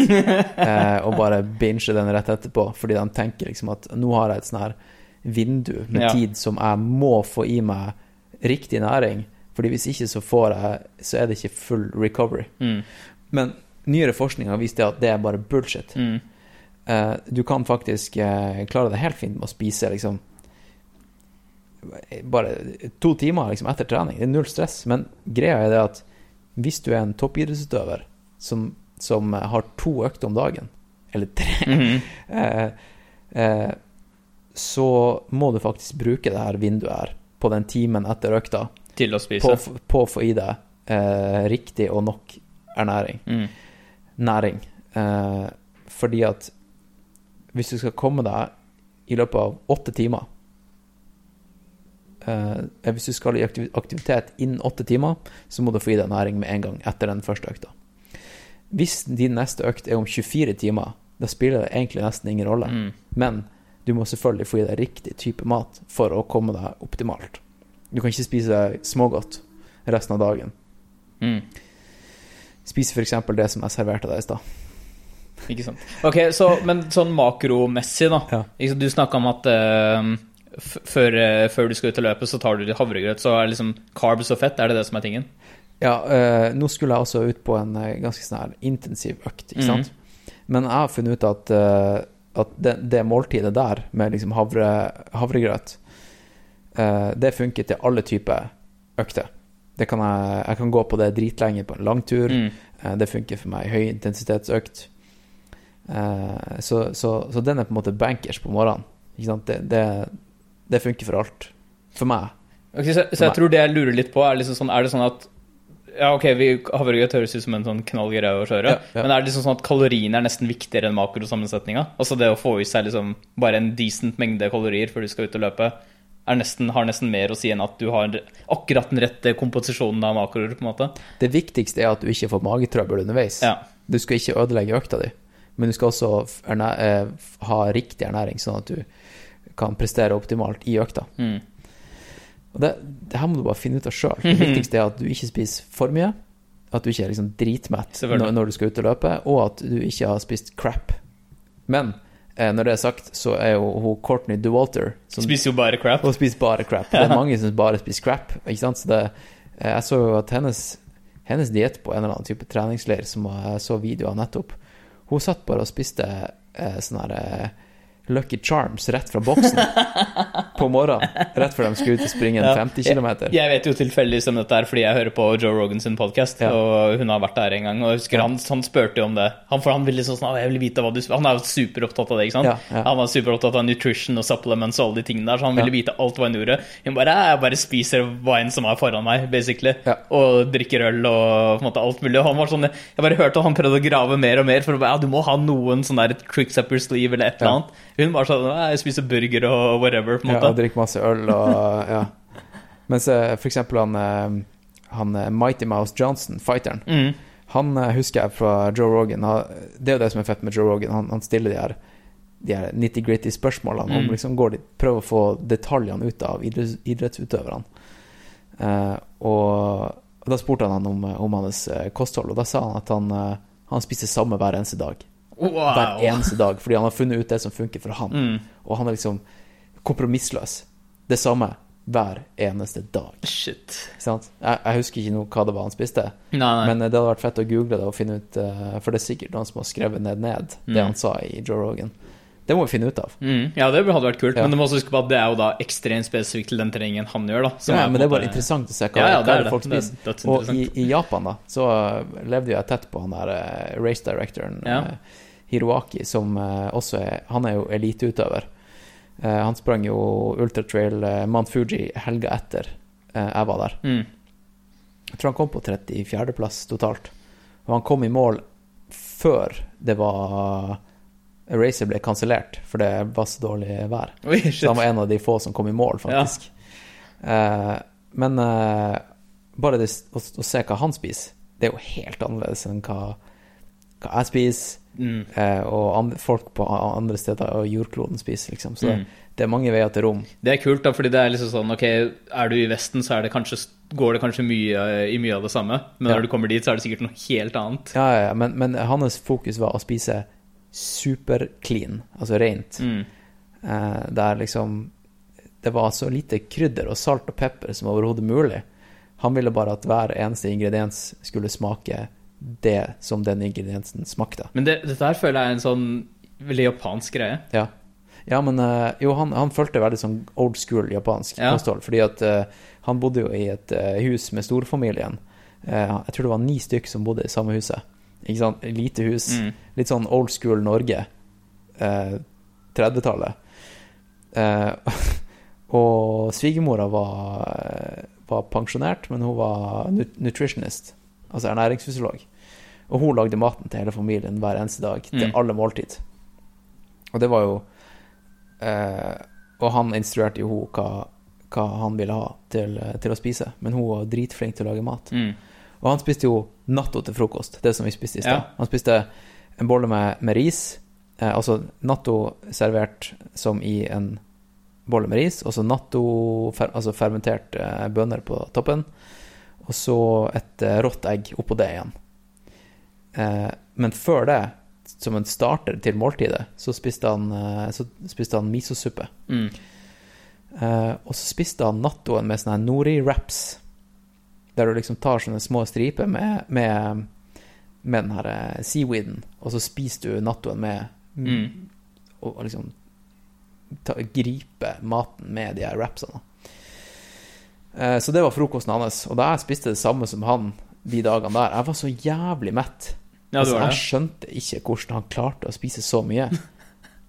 Helt seriøst. Det var liksom, jeg tipper at liksom, middagen hans det var det samme som du spiste på det One Meal a Day-prosjektet ditt. okay, Det var helt insane mengder. Eh, men han, han hadde ett prinsipp også, det var det at han avslutta måltidene med det som var mest karbohydratmessig, altså det som var Han avslutta måltidet ofte med en stor bolle med ris, Mm. og starta det med suppe, og hovedretten var kjøttaktige ting. Fisk og kjøtt. Ja.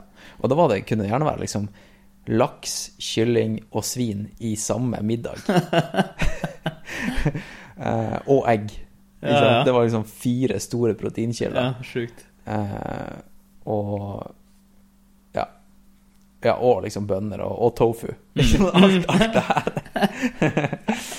Helt sjukt. Men, eh, men veldig sunne greier, da. Ja. Ok, men sånn um, vi har snak Nå snak var vi litt inne på liksom sånn mat før race og sånn. Ja, Nå har vi akkurat faktisk hatt et sånn eh, post-workout meal hos deg, Alt ja, si. ja, ja. Eh, men ja, hva er liksom typisk refueling etter, etter en økt? Etter en økt, ja, da er det jo liksom eh, Få i deg litt kjappe karbohydrater, kanskje. Eh, det kommer litt an på hvilken type økt som du har faktisk utført. Så hvis det bare var en easy løpetur, så er det ikke så farlig hva du putter i deg, Mm. egentlig. Sånn her, Du må ikke tenke, overtenke det du får i deg. Eh, men hvis det var en skikkelig høy, intensiv Mm. økt, så, så er det viktig å fylle på med carbs. Mm, men hvorfor er det det? Fordi det sier man jo Nei, for du tømmer jo glykogenlagrene i Ja. muskulaturen din, og levra di. Du må fylle det opp igjen. Ja, I hvert fall hvis du da skal ut og løpe igjen om to-tre timer. nettopp. Eh, men hvis ikke, ikke du skal det, så var den grøtaktige tingen jeg serverte deg i stad, da var det helt konge. mm. Uh, Ja, for da trenger ikke nødvendigvis carbene å være så raske. Nei, da, da, trenger ikke det å være liksom sirup. Nei. kan, apropos sirup, kan vi bare kan kan jeg bare nevne det i stad når vi var oppe på Grefsen Goldtoppen og du holdt på å stjele honningen til de Ja, du kan fortelle historien.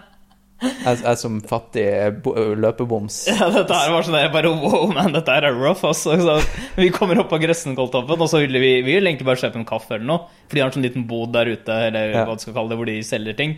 Og ingen av oss hadde med lommebok, så vi bare sånn, ok, kanskje, kanskje de tar vips. Og så gikk de for å forhøre deg om de tar vips, og de gjorde det ikke, men i, i, du så at liksom på et sånn lite bord de hadde ved siden av måte, utsalget der, så sto det en sånn akasio, en flaske med og honning, ja. Ja.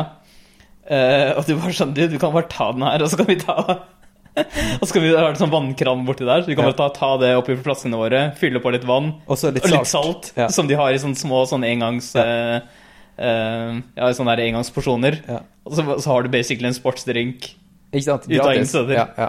Som du har stjålet, da, basically. Men, men, men hvis, du var, hvis du var helt blakk og skulle være toppidrettsutøver, så, Så kan du faktisk snylte på samfunnet eh, og, og oppe på den her Grefsen Grefsenkollen-restauranten. Mm. Så hvis dere skal hvis dere trenger sportsdrink mens dere er ute og løper der, så vet dere hva dere skal gjøre. Det som var så bra, var at den honningen var liksom akkurat perfekt out of sight også, sånn at du kunne faktisk tatt den. Ja, ja. ja, ja. Altså, det er life hack. Det er life hack. Det er life hack. Men jeg, jeg, jeg, før jeg møtte deg i stad, for jeg kjørte jo noen drag opp og Mm. ned i Grefsenkollen før vi møttes, da tok jeg en gel, faktisk. I, imellom en midt, dine? midt, midt i økta. Mm. Etter to, to, To runder. eller tre pusher opp, opp Grefsenkollen. Det er bare carbs, eller? Det er bare carbs og litt koffein. Altså det er bare sukker, liksom. Mm. Og litt salt. Og, og det er tilfeldig at det var koffein i akkurat den gelen. da. Jeg tok ikke den med koffein fordi at jeg trengte koffein. Eh, men eh, jeg tok det fordi at eh, recovery starter jo egentlig i teorien, da. Altså kroppen din er konstant i recovery. Ikke sant? Mm. Det er ikke bare etter ei økt at du trenger recovery. Kroppen starter med recovery mens du trener også. Så hvis du kan starte recovery-prosessen mens du trener, så er det ideelt, ikke sant? Eh, hvis du går en hel, en hel langtur, hvis du springer i fire timer uten å ta til deg næring, så trenger du enda mer recovery etter den økta Mm. enn du ville gjort hvis du hadde spist noe underveis. Underveis, ja. Eh, så det var et strategi, strategisk valg av meg eh, å ta den gelen Mm. underveis. Ikke bare for at jeg skulle prestere optimalt under økta, eh, men fordi at jeg ville starte recovery. Eller jeg ville at recoveryen etterpå skulle være så kort som overhodet mulig. Mm. Men er det noe annet du kan anbefale? En ting er jo gels og sånn, men er det andre ting du pleier å ha med deg? Ja, jeg prøver jo ikke å bruke gels eller sånne Mm. pissgreier som det, for det er jo ikke, for, altså det er ikke sunt for kroppen. Nei. Det er ikke bra for tennene. Eh, og jeg tror det at eh, går du en hel idrettskarriere med å fuele kroppen din på de her raske sukkerdrikkene, så ender du opp med en kjipere kropp enn du ville gjort hvis Mm. du ikke hadde gjort det. Så hva er en bra En bra Altså eh, En erstatning for det her Ha med deg en banan, liksom? Ta med deg en banan. Mm. Eh, ta med deg en banan, og dadler kan være en bra ting. Mm. Det er masse kjappe carbs i dadler. Det er litt fiber, så det kan være litt rough på kroppen. Ja. Eh, men eh, jeg har brukt dadler mye, og, og eksempel laga Hvis du skal på langtur, ha, la bare rap, la, lag noen lompewraps med Nugatti. Har du det i løpevesten din? Noen ganger har- jeg det med Nugatti eller, eller peanøttsmør, og så strør jeg litt salt på for å ta liksom Mm. replenish salter som jeg taper i, i svette. Og i den lompa her da, så kanskje jeg også har eh, dadler og litt, eh, litt eh, valnøtter. For fettet sin skyld, og Mm. for å, proteiner. Så det, det, det er også greit liksom, å, å trene litt på Det er også en sånn ultraegenskap, er jo faktisk å trene med mat i magen. Mm. Men det trenger ikke være de harde, intensive øktene. Men liksom bare Fordi underveis i et, et langt race så må du jo spise. Ja? Og noen ganger så får du servert eh, fast føde, ikke bare sånne her sportsdrikker. Mm. Men du som skal springe Tromsø Scar Race, du må jo også trene på å, å løpe med litt sånn sportsdrikk. For Ja. det kommer du til å ta til deg underveis. For det kommer du til å trenge. Mm. Eh, hvis du bare skulle løpt på vann og eh, Ja, du kunne sikkert klart det med vann og bananer den dagen, men eh, det er jo mer convenient å ta med seg gels, for det veier mindre. Mm. Det er jo ofte Det er jo derfor de fins. Ja, Det er jo fordi at de Ja, ja. er convenient. Mm. Eh, hva er det på norsk? Uh, uh, Så står helt stille. Vi Folk skjønner det. Convenient. ja. Eh, Altså, det skjønner du, altså. ja. Hvis Mm. ikke du Ja, ikke sant? Og, og det, er det, det er det jeg tenker òg. Det er convenient fordi du er i et race, og du skal, ha med, du skal langt, og du vil ha med deg minst mulig vekt og sånne ting. Ja, ja. Men jeg tenker når jeg er ute og løper flere ganger ut, da, så kommer ikke jeg til å konsumere masse gels i løpet av alle de øktene. Så jeg bare, derfor jeg lurer på liksom sånn, hva annet kan være smart å ha med seg. Da. Men nå har jeg jo fått masse bra Ja, Eksempler på det. Ja, ja. Og, og, og Ja, ikke sant. Det, det er sånn det er. Det er convenient. Mm. Og det er for mange nybegynnere som bare tar med seg masse sportstrikk, for at de, de gjør det helt i blinde. For de tenker ja, jeg driver med sport, jeg trenger sportstrikk. Men uh, du må vite hvorfor du tar det. Du må vite hvorfor du tar det, og hva det inneholder. Mm. Ikke sant? Men okay, så, men det er en hel lurer på også, da. Det er liksom sånn, okay, Hvis du bare skal ut på en veldig lang tur, som ikke er så, trenger ikke å være sånn veldig intenst sånn sett, men du skal bare langt Ja. Og du trenger ikke nødvendigvis masse raske carbs underveis da, gjør du det? Overhodet ikke. Nei. Nei. Det, det er ikke sikkert at du trenger næring engang. Nei. Kanskje du bare trenger vann. Mm. Hvis du skal ut på en og en halv times løping, du trenger ikke å ta med deg noe. Nei, nei, da, da trenger du ikke å Nei. Hvis du, jeg, jeg tipper um, eh, det her, Kroppen din blir jo flinkere og flinkere etter hvert til å liksom bruke fett som, som fuel, ikke sant? Mm. Så um, uh, Tenk på det sånn her. På en arbeidsdag, hvor lang tid eh, Hvor lang tid i løpet av dagen tar det fra et måltid til det andre før du blir sulten? Der har vi snakka litt om. Men uh, hvor, mye, hvor mange timer tar det før du blir sulten? Etter at du har spist lunsj, liksom. For meg? Ja. Jeg er som regel ikke sulten igjen før det er middag. Og, og middag er i sekstida. Ja. Ja. Uh, men hvis du da trener da, i mellomtida, så blir du sulten fortere. Selvfølgelig. Ja. Nå, nå sitter ikke jeg på sånn her fasit, nå kommer det ikke jeg til noen konklusjon her nå. Men, men hvis du ser på folk flest, sier- så sitter de faen meg og spiser hele fuckings tiden. ja, sånn. ja, Ja. ja, men, ja. Men nå skal du springe Tromsø Scaris, du er ikke folk flest. Nei, rett. Nei. Men, men uh, du, trenger ikke, du trenger ikke spise store ting mens du er ute og springer engang. Nei. Nei, ikke tenk på det. Det er ikke noe Nei, fordi jeg tror ikke jeg kommer til å ha liksom, de ekstreme distansene hvor det kanskje i det hele tatt er nødvendig. Da. Nei, og det gjelder kanskje mange andre nybegynnere også. Ja, ja. Så ikke ta med deg ikke, Altså, ta med deg liksom en, en sandwich. Mm. Hvis, hvis du ser at det er mulighet for at du blir ute litt lenger enn planlagt, Mm. ta med deg liksom eh, på brødskive, liksom. Mm. Ja. Ikke sant? Gjør det enkelt. Gjør det enkelt. Det er ikke noe Ja, og gjør det billig. Du Eller en ultrabolle. Vet du hva, bak deg en ultrabolle. Bak deg en ultrabolle. Den er jo gå, Bare, folkens, hvis ikke dere har uh, hørt om ultrabolle, google ultrabolle. Så kommer du inn på en eh, jævla fet artikkel. Det er en oppskrift, en artikkel, som undertegnede har laga. En eh, rosinbolle laga for eh, ultraløpere. I trening, ikke i Mm. race. Ja. All right. Uh, det- ja, er det noe mer sånn ernæring, ernæringsmessig som du, du lurer på? Nei, egentlig ikke. Altså, I hverdagen, du har jo liksom kosthold, det er du ganske flink på. Du Ja, trenger ikke få. Ja, det er du. mm. Eh, mens det er liksom underveisgreia i løping, det er liksom strategimessig under et race, så tenk, bruker jeg ofte å tenke liksom OK, bruker jeg gels, så tar jeg en gel i halvtimen. Mm. Det er ikke noe verre enn det.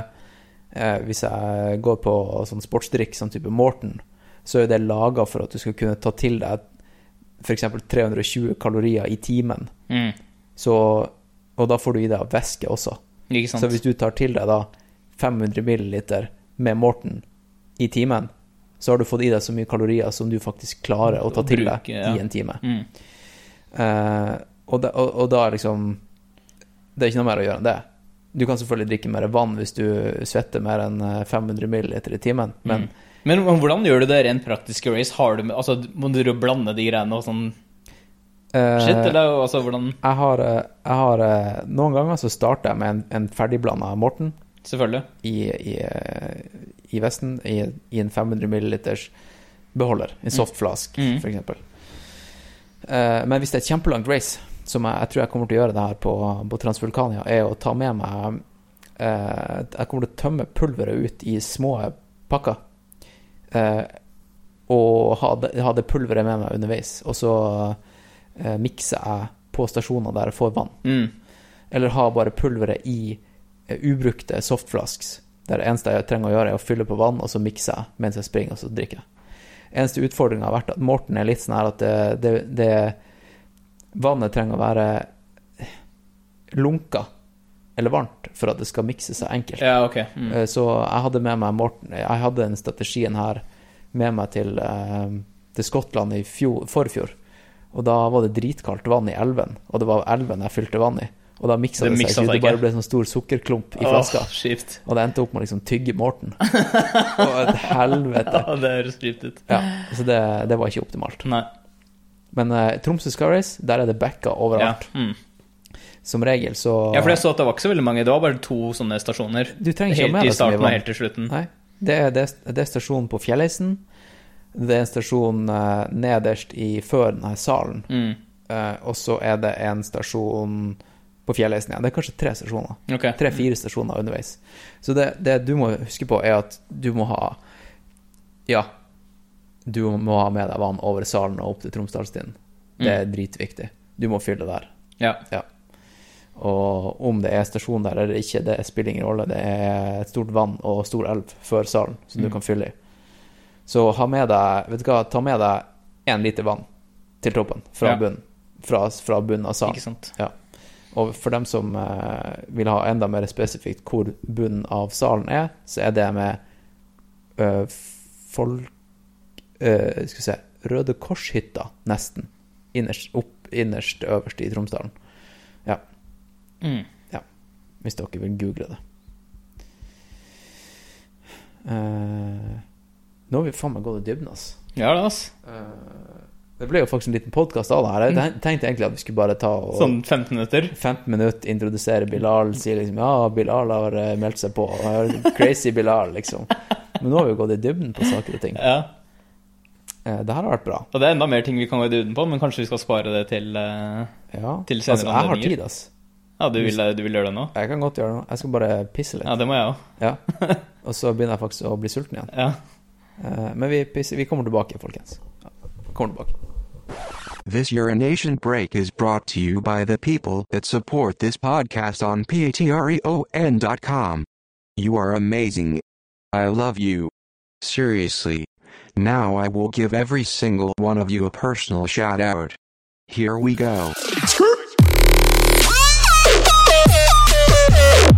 Alexander, Amir, Anita, Arthur, Sager, Adel, Bernd, Bard, Bard, Crystal, Fred, Gayer Morton, Gorm, Hagen, Iselin, Jen, Jenny, Joachim, Johannes, Jorgen, Kenneth, Nutdiner, Lars Eric, Liz, L.I. Vienna, Mads.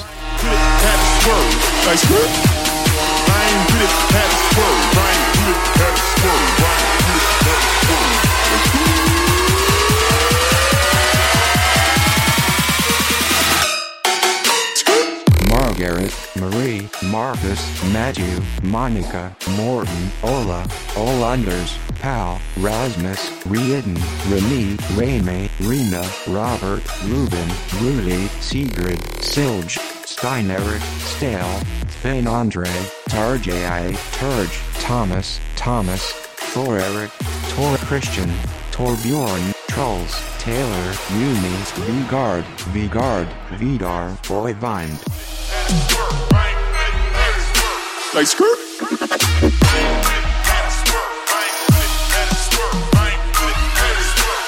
Ja, sjekke Hvor er det vi avslutta, egentlig?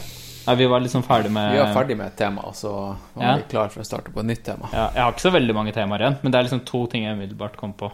Ja, Og Ja. kanskje det holder? ja, ja det, det trenger ikke bli sånn kjempelang podkast. Jeg snakka med en i går som sa eh, Du, Hans Christian, kanskje du skal begynne å vurdere å kutte det ned på tida.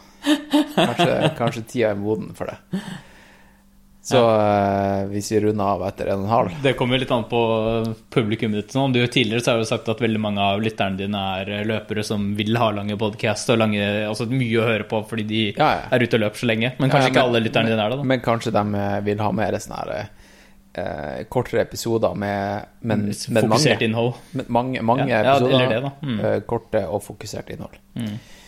Det blir automatisk litt sånn, jeg vet ikke hvordan det er med deg, men når jeg hører på lange podkast, så blir det ganske sånn oppstykka for min del, fordi jeg ikke har Ja. tid eller mulighet til å høre på så lenge om gangen. da. Hører en halvtime før Ja, jobb, og så plukker du opp etterpå, eller underveis. Hvis du har en jobb der du kan høre på podkast mens du jobber. Ja, ja, jeg gjør ofte det. Ja. Um, mm. Ja. okay. Neste spørsmål, eller tema, da. Ja, en, en ting som jeg tenkte vi kunne snakke litt om, er jo For nå har vi snakket masse om løpetrening og spising og alt mulig sånn i forbindelse med det, men jeg fortalte deg så at ikke sånn, sånn som de siste to årene, så har jeg jo trent mye styrke. Og et av de tingene jeg lurte på umiddelbart, var sånn Ok, skal jeg slutte med det? Eller skal jeg prøve å vedlikeholde det? Eller hva skal jeg gjøre med Hva er lurt å gjøre uh, i for, forbindelse med oppkjøringa til uh, Skyracen, da? Ja. Og da er det samme greia, da, at eh, eh, pri én er at du får løpt ofte, Mm. skadefritt. Du vil ikke at styrkeløftinga eller noe andre, noen andre ting skal komme i veien for det. Så hvis du tar en heavy leg day, ikke sant, og at det gjør at du ikke får løpt i morgen, Mm. eh, så har du fucka opp. Det vil vi ikke, ikke sant? Så det du sier, er bare ta curls? Ja, bare, bare biceps curls. Ja. Bare diskomuskler. Nei, men eh, eh, jeg for eksempel, nå har jeg opparbeida meg en sånn type fysikk sånn at jeg kan tåle å ta tung styrkeøkt og, Og løpe løpe. dagen, Mm. dagen etterpå. Uh, men det har ikke du.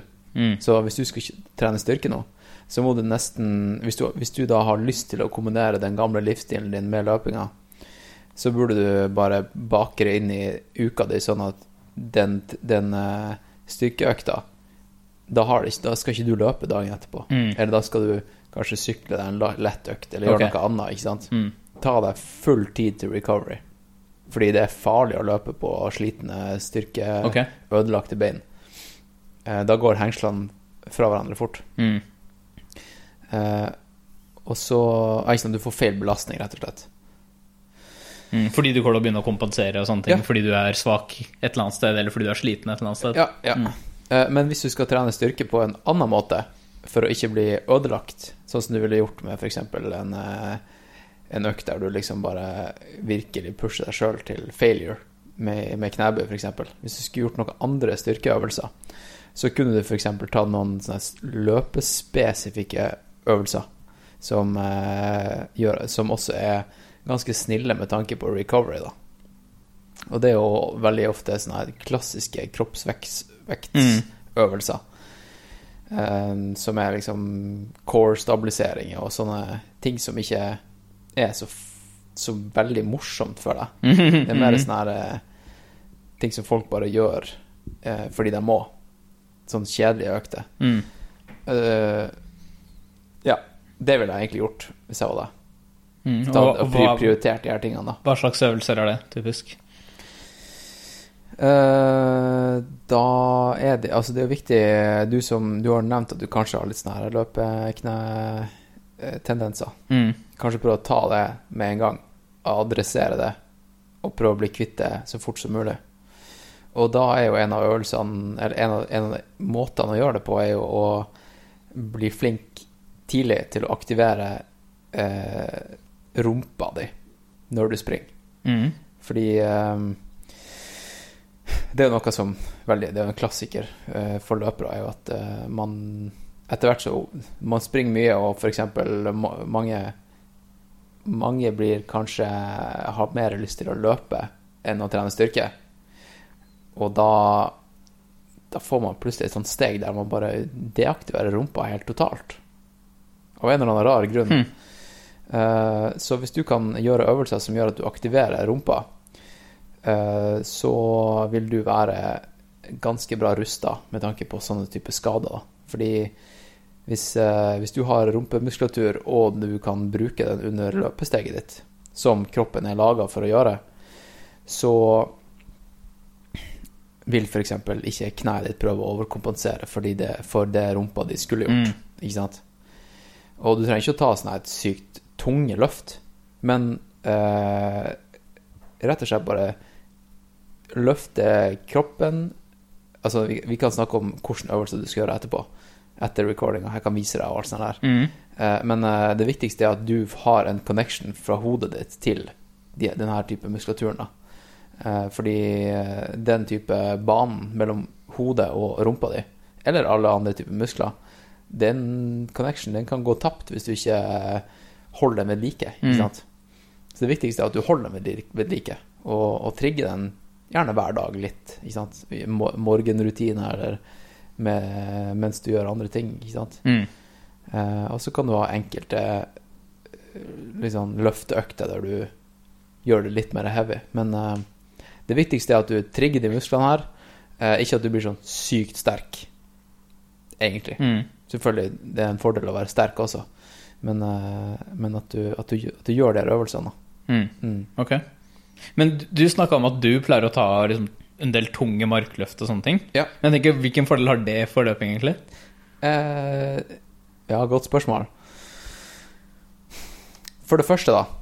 Tung knebøy er dritbra for, eh, for beintettheten din Mm. og testosteronproduksjonen i kroppen din.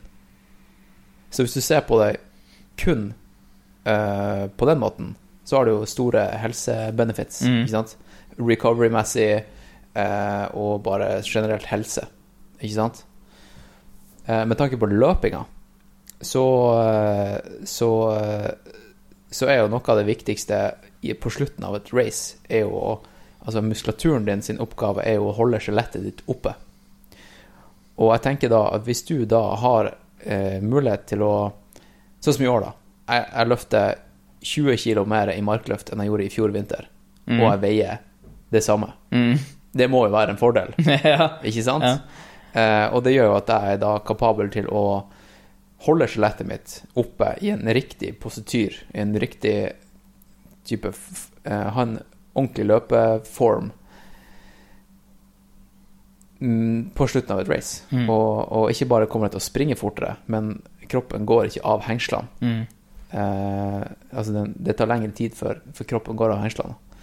Så at the end of the day da, så har jeg garantert kommet meg fra startstreken til mål raskere og mer effektivt enn jeg ville gjort hvis jeg ikke var sterk, Mm. eller sterkere, som jeg er blitt. Mm, det er poenget, da. Ja, Ikke sant? Så um, Ja. Ikke, det- jeg vet ikke om jeg har blitt så sykt mye raskere av å springe, av å trene Nei, nei. styrke, men uh, det er på en måte det hele det Hele det, det fører med seg å være sterkere generelt. Det er ja. bare bra. Men det er jo mange som er veldig redd for å bli stor og sterk, fordi at du blir eh, Du kommer til å veie mye, mye mer, og det er mye mer å drasse på. Men det er jo da det er lurt å ta tunge løft, er det ikke det? Det er da det er lurt å ta tunge løft og, og ja, ikke så mange sett, Mm. og ikke. Men, ikke sant? Og, det, og det er jo på en måte en del av det, men så er det også, i hvert fall det umiddelbart det jeg tenkte, var sånn, ah, men er det ikke nå, siden jeg skal drive med mye mer utholdenhet og utholdende trening, Mm. at jeg burde løfte da, da Ikke burde løfte så tungt, men heller mye. Altså sånn Ja, lett, lettere og mange Du, løft, på en måte. Det første året jeg sprang Tromsø Sky Race, jeg husker at jeg hadde en helt annen approach, for da hadde jeg jo For det første, det, var helt ny i løping, og eh, jeg, var, jeg, jeg visste ikke hva jeg skulle gjøre. Jeg var litt sånn som deg nå. Mm. Og, og da, på den tida i livet, så løfta jeg mye vekter. Mm. og tenkte at um, det viktigste er faktisk ikke å løpe raskest mulig eller prestere best mulig i Tromsø Scaris. Det var å prestere best mulig, men samtidig eh, bevare en kropp som, eh, som kan prestere på andre steder i livet. sant? Som i gymmen, eller eh, Ja, ja. bare være et, et solid menneske, og ikke bare et solid løpemenneske.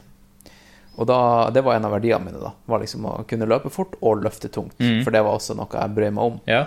Eh, og det tror jeg er ganske felles for veldig mange folk der ute. For de er ikke villige til å vie livet sitt til kun løping og prestere løping. De Nei. vil liksom bevare det der. Ja, hverdagshelsa også. Ikke? Og, og det å perse på i knebøy, det er artig, det også. Mm. Det er artig å perse i løping også. Eh, men nå, nå vil jeg bare perse i løping, ikke sant. Men, eh, Ja, jeg men, skjønner. ja. Eh, men da, da husker jeg at jeg, en av mine killer workouts før, i forkant av Tromsø Scaries, Ja. jeg husker det veldig godt. Det var å Jeg dro på sats, eh, og så, så sa jeg til meg sjøl Hvis jeg klarer å løfte 100 kilo i, i, eh, i knebøy, altså fri stang eh, Ti sett og ti reps. Det var liksom et eller annet i hodet mitt sa 10, 10, 100. Hvis jeg klarer det, da er jeg faen så Da er jeg rusta for Mm. Tromsø Sky Race, okay. og jeg er et ultimat human being hvis jeg gjør det bra i, i racet. Eh, og så gjorde jeg det, og var helt gående i beina. Men jeg liksom, etter den økta der, det var den samme følelsen som jeg hadde etter en sånn her monster selvtillitsøkt på løpinga nå. Mm. Eh, men det er helt feil mindset hvis du skal bli en flink fjelløper. Selvfølgelig. Ja. Men, men da var jo det min approach. Eh, men ah, hadde vært litt kult å gjøre det nå. Ok, men, eh, men fortell meg for det første, hvorfor var det Ok, jeg, jeg, jeg skjønner jo på en måte litt sånn implisitt hvorfor det er så feil, men hvorfor er det så feil? Er det bare fordi, altså, Nei, fordi var, du gående en uke etter den økta, liksom? Eh, på noen dager, ja. Ja. ja. Det, jeg kunne ikke løpe dagen etterpå. Nei, nei. nei. Det er jo det som er hovedpoenget. Ja. At, eh, og, og skal du komme deg da opp til de her, denne her type økta Nå sier jo ikke jeg at den økta At, at den var um, Fordi alle andre som har løfta mye vekt, de er jo kanskje ikke søkk imponert av de tallene jeg nettopp sa. Altså 100 kilo, 10 reps. Det, mange klarer det. Det er Ja. ikke noe Ja, men 10 sett er ganske mye. Det er ganske mye, ja. Eh, hvor var det jeg skulle med det her? Jo, eh, ja, så hvis du da har Hvis du starter med løping f.eks. i 30-årene, sånn som du, da, og, og i tillegg starte med vektløfting Det å kombinere vektløfting og løping og, og løfte 100 kg og 10 reps og 10 sett Det skal godt gjøres å komme opp dit, liksom. Mm. Uh, å- å bli sterk, da krever det å spise masse Ikke sant? og ikke løpe mye. Fordi jeg vet ikke om de har bevist at løping eller masse cardio faktisk ødelegger for muskelbygging. Det er jo bare det konseptet at, at eh, skal du bli sterk, så må du bare løfte mye Mm. og hvile mye. Og løping er ikke hvile. Nei. Nei. Det så det. er jo egentlig, egentlig det, Det som er svaret. det er egentlig så enkelt. Ja, ja. Uh, så Men okay, men det, det er et annet spørsmål da, som jeg tenker sånn, det- Dette må være relevant for deg. hva, hva, hvordan, eller, hva skal du gjøre, eller hvordan må du trene for å på en måte bevare mest mulig muskelmasse? Altså den muskelmassen du trenger. da. For en Ja. ting er sånn, ok, en ting er Du trenger ikke å bli svær mens du løper. Jeg skjønner at det er en sånn veldig Ja. sånn teit eh, motsigelse som ikke er noe å på en måte strebe etter. Ja. Men det er sånn, okay, jeg vet vet ikke om løping direkte vil på en måte bryte ned mye muskulatur og sånne ting, men bare sånn er, er det, Ligger det noe i dette her i det hele tatt? Vent nå spacer jeg litt ut her. Eh, Ja, kan, kan, du, kan du stille spørsmålet igjen? Jeg, jeg veit egentlig ikke om det er eh, hvor relevant spørsmålet her er, da, men bare sånn hvis du, okay, hvis du ikke tenker så mye på deg selv, da, hvis du tenker på de folka her, da, som, eller normale folk som du sier, som Ja. både vil liksom eh, trene Men sånn som for min del, da, så er det sånn ok, jeg har trent en del styrke de siste årene. Jeg vil selvfølgelig ikke miste for mye av det, og det er ikke sikkert jeg gjør det heller bare fordi jeg løper. Men det man kanskje tenker, er at ok, hvordan kan jeg på en måte prøve å vedlikeholde mest mulig da, samtidig som jeg løper. Ja, ikke. Men at jeg, jeg, jeg, jeg, trenger, ikke å tenke at, trenger å tenke at jeg skal bygge masse samtidig som jeg løper. Det gir jo ingen mening for meg. Nei, nei, Men at jeg, ok, jeg bare holde ting ved like mest mulig, og så vil jeg gjøre løpinga som hovedgreie. da. Ja, ikke sant. Uh, Kjempefint uh, spørsmål, eh, Billa. Jo, takk. takk. og, og eh, Jo, det viktigste er jo at du ikke mister muskelmasse. Ikke sant? Mm. Og, Eh, og hvorfor mister man muskelmasse? Og, og hvorfor mister man muskelmasse? Jo, det vet jo du alt om, f.eks. via kosten. Hvis du er i, i næringsunderskudd, Mm. så mister du muskelmasse. Og det, det har ingenting med løping å gjøre. Hvis Nei. du bare har sittet stille og ikke spist noe, Mm. så ville du mista muskler. Så, um, så er det sånn at uh, en, uh, en nedoverløpeøkt, eller en motbakkeøkt, det er jo basically masse ettbeinsknebøyer med kroppsvekt, Ja. ikke sant? Ja. Så det at, det at du skal miste muskelmasse, det er ikke sikkert at du mister noe, men du kan kanskje miste evnen til å løfte veldig tungt. Mm. Men det tar ikke veldig lang tid for at du igjen da etterpå, hvis du skulle gå tilbake til tung eh, vektløfting, eh, kan bare plukke opp der du slapp. Mm. Altså vi snakker bare sånn eh, to uker, kanskje. Så er det liksom Mm. Det er ikke det at du har mista muskelmasse eller evnen til å løfte tungt, du må bare trigge de Trigge det igjen. Ja.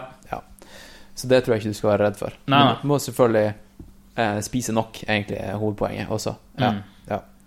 Eh, og skal du bevare bicepsen din, så må du selvfølgelig vedlikeholde den. Det får du ikke av løping. Nei. Nei.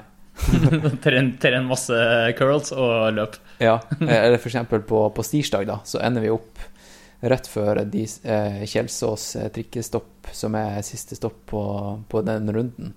Så er det et sånn her eh, eh, crossfit-område, nesten, Ja. ute i skogen, der vi tar noen pullups. Ja, nice. Så du kan joine det. ja, Pullups er helt genialt. Ja. Men det, det er jo eh, det er mange sånne her styrkeøvelser som Og det er litt interessant. Hvis du googler eh, Du, altså du som i du lytter, og du Bilal, Mm. googler liksom strength Strengths for running. Mm -hmm. Da kommer det å komme mye Da- bra. ja, det er det som er greia, da.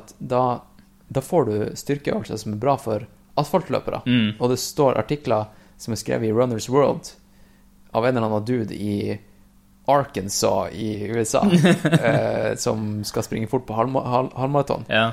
Det er ikke retta mot deg som fjelløper, Nei. Eh, og det må vi virkelig tenke over. Ja, det er et veldig godt poeng, Ja. faktisk. For det er sånn der, øh, Det er veldig lett å tenke litt sånn løping. Løping generelt. Ja. Men dette her, dette her er, ikke, ikke løping. Nei. Dette her er en helt annen idrett.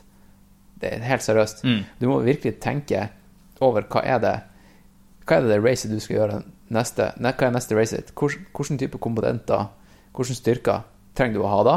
Se på hva er det som er svakheten din nå, og hva er det du må jobbe med. Mm. Studer løypa, se hvor mange høydemeter det er, hvordan terreng er det. Kommer du til å trenge faktisk biceps? Altså, hvem vet, kanskje det er en jungelultra der du eh, må bruke machete for å liksom eh, hakke, hakke deg gjennom skogen. Mm. Eh, Jeg måtte klatre opp litt steiner i stad. Ja, da måtte jeg ha litt Ja, eh, altså, komme overkroppsstyrken godt med. John Alban, han er jo Det er jo ikke ikke noe hemmelighet at han trener sykt mye klatring og Mm. Han er jo verdens beste obstacle course racer. Og det, kom, det til hans fordel når han springer Sky Race. Han vinner, vinner jo nesten alt han stiller opp i. Og hans bakgrunn i obstacle course racing er jo bare gull for han. Mm. Så um, Det er viktig å tenke på. Ja. Nice. Uh, skal, skal vi si det sånn, eller? Ja, jeg tror det, altså. ja. Mhm. Jeg tror eh, både du og lytterne har uh, Fått mer enn nok. fått mer enn nok. Mm. Jeg, jeg er klar for å ta litt eh, jeg, skal løfte litt uh, vekter nå. Du skal det? Skal Hva er det du skal ta, da? jeg vurderer litt eh, markløft, faktisk. Ja, markløft er nå, digg. er, nå er jeg midt i, i en sånn fase i, i sesongen. Nå har sesongen starta, Mm. ikke sant? Så jeg skal eh, Nå handler det ikke om å bygge seg så sykt mye opp. Nå handler det om å recovere mellom race eh, og finslipe liksom formen til det racet. Mm. Så jeg skal ikke, jeg skal ikke liksom eh, få masse store muskler nå. Nei, Det handler men bare om å uh, Min måte, da, det, det jeg bruker styrke til ofte, det er å ikke bli sterkere. Men jeg tar det som en type reset-økt, fordi at jeg, jeg har løfta veldig mye vekt i, Tidligere. Så jeg, jeg kan gjøre det her. Jeg kan gå inn og så kan jeg løfte tungt, uh, og så bruker jeg det som en type måte å connecte til kroppen igjen. mm. Og så slutter jeg med en gang jeg kjenner at jeg blir for sliten. Ja. Eh, men eh, hvis, man, hvis, hvis jeg, jeg springer veldig mye, mye mengde, så kan det være at jeg blir litt sånn her Kommer inn i et dårlig mønster, føler jeg da, der jeg bare springer. Mm. Men for å resette og liksom connecte med musklene igjen, så er det digg å, å dra inn og løfte. For da plutselig får, du, får jeg kontakt med rumpa igjen. Sant? mm. Og da kjenner jeg Det er et eller annet som skjer dagen etterpå når jeg springer, så bare fyrer, fyre de her nerv, nervene på en bedre måte Mm. på stien. da. Eh, og det igjen, da. Det her kan ikke jeg si at du skal gjøre, eller Nei, at nei. noen andre skal gjøre. Det her har jeg funnet ut for meg sjøl, og, og uh, det er sånn man vokser som idrettsutøver. At Mm. liksom, jeg har funnet ut at det funker for meg. Mm. Mens andre de er bare helt fucked up dagen etterpå. Mm. Ja, jeg kan jo si For min egen del så har jeg lyst til å ha én styrkeøkt fortsatt i uka. Ja, ja. Og eh, da gjerne med markløft og, eller knebøy og litt Ja, sånne ting. men da gjør du det. Mm. For det er en av dine verdier i livet også. Eller du, du, du får så mye glede ut av det. Mm. At da, da Da er du villig til å ikke ofre hele livet ditt og leve som en munk for å prestere i Tom Tromsø Scaries. Du skal gjøre det du kan, men ikke ofre samlivet og eh, og bicepsen din. Men eh, Ikke sant? Du skjønner hva jeg mener? Ja. Og det er jo der de fleste er. Ja, Ja. Det, det, er ikke, det er ikke alle som er som meg, som kan bare um, lolle seg fra et race til et annet. Nei. Ja. Eh, da kan det være siste ord. Konge. Eh, ok, ta og sjekk ut, folkens, ta og sjekk ut Fight Night Oslo på ja, der du finner podkast. Der du finner podkast, og. Spotify. Ja. Og eh, ja, meld dere på Tromsø Scaries alle sammen, så kan dere joine denne reisen samtidig som dere hører på podkasten. Er ikke det en sånn, Ja, en sånn oppfordring vi burde komme med? Ja, og så kan alle bare high five Bilal på startstrek. Ja. Bare 'hei, jeg hørte det på podkasten, lykke til i dag'. Mm. Du fikk meg til å gjøre disse greiene her, det har forandra livet mitt. Alt det der. Ja, du skal ikke kødde. Det her er, det her er seriøst. Life-changing stuff. Ja. Ja. Eh, Det er det, det, det det handler om. Og så tror jeg faktisk at Tromsø, ham, Tromsø Skyries Hamperocken den ble jo utsolgt på sånn Ja, fem- den, den fem utsolgt med en gang. Ja. Ja. Mm. Men Tromsdaltinnen er fortsatt mulig å melde seg på. Ja. Og den VK-en, Blåmann, Den er den tror jeg også er åpen. mulig å melde Og det på. kan godt være at jeg kommer der Ja. og springer den. Eh, hvis jeg er i Nord-Norge, da. Jeg Mm. hadde ikke tenkt å springe det andre Skyracet, men uh, hvis jeg er i Tromsø på den tida der, så kommer jeg garantert til å stille på Blåmann Kult. som en bra treningsøkt. Mm. Ja. Ok, folkens. All right. Vi snakkes. Peace. Like skirt.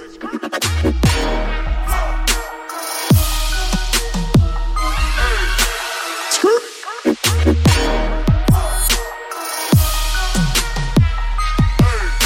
Like skirt.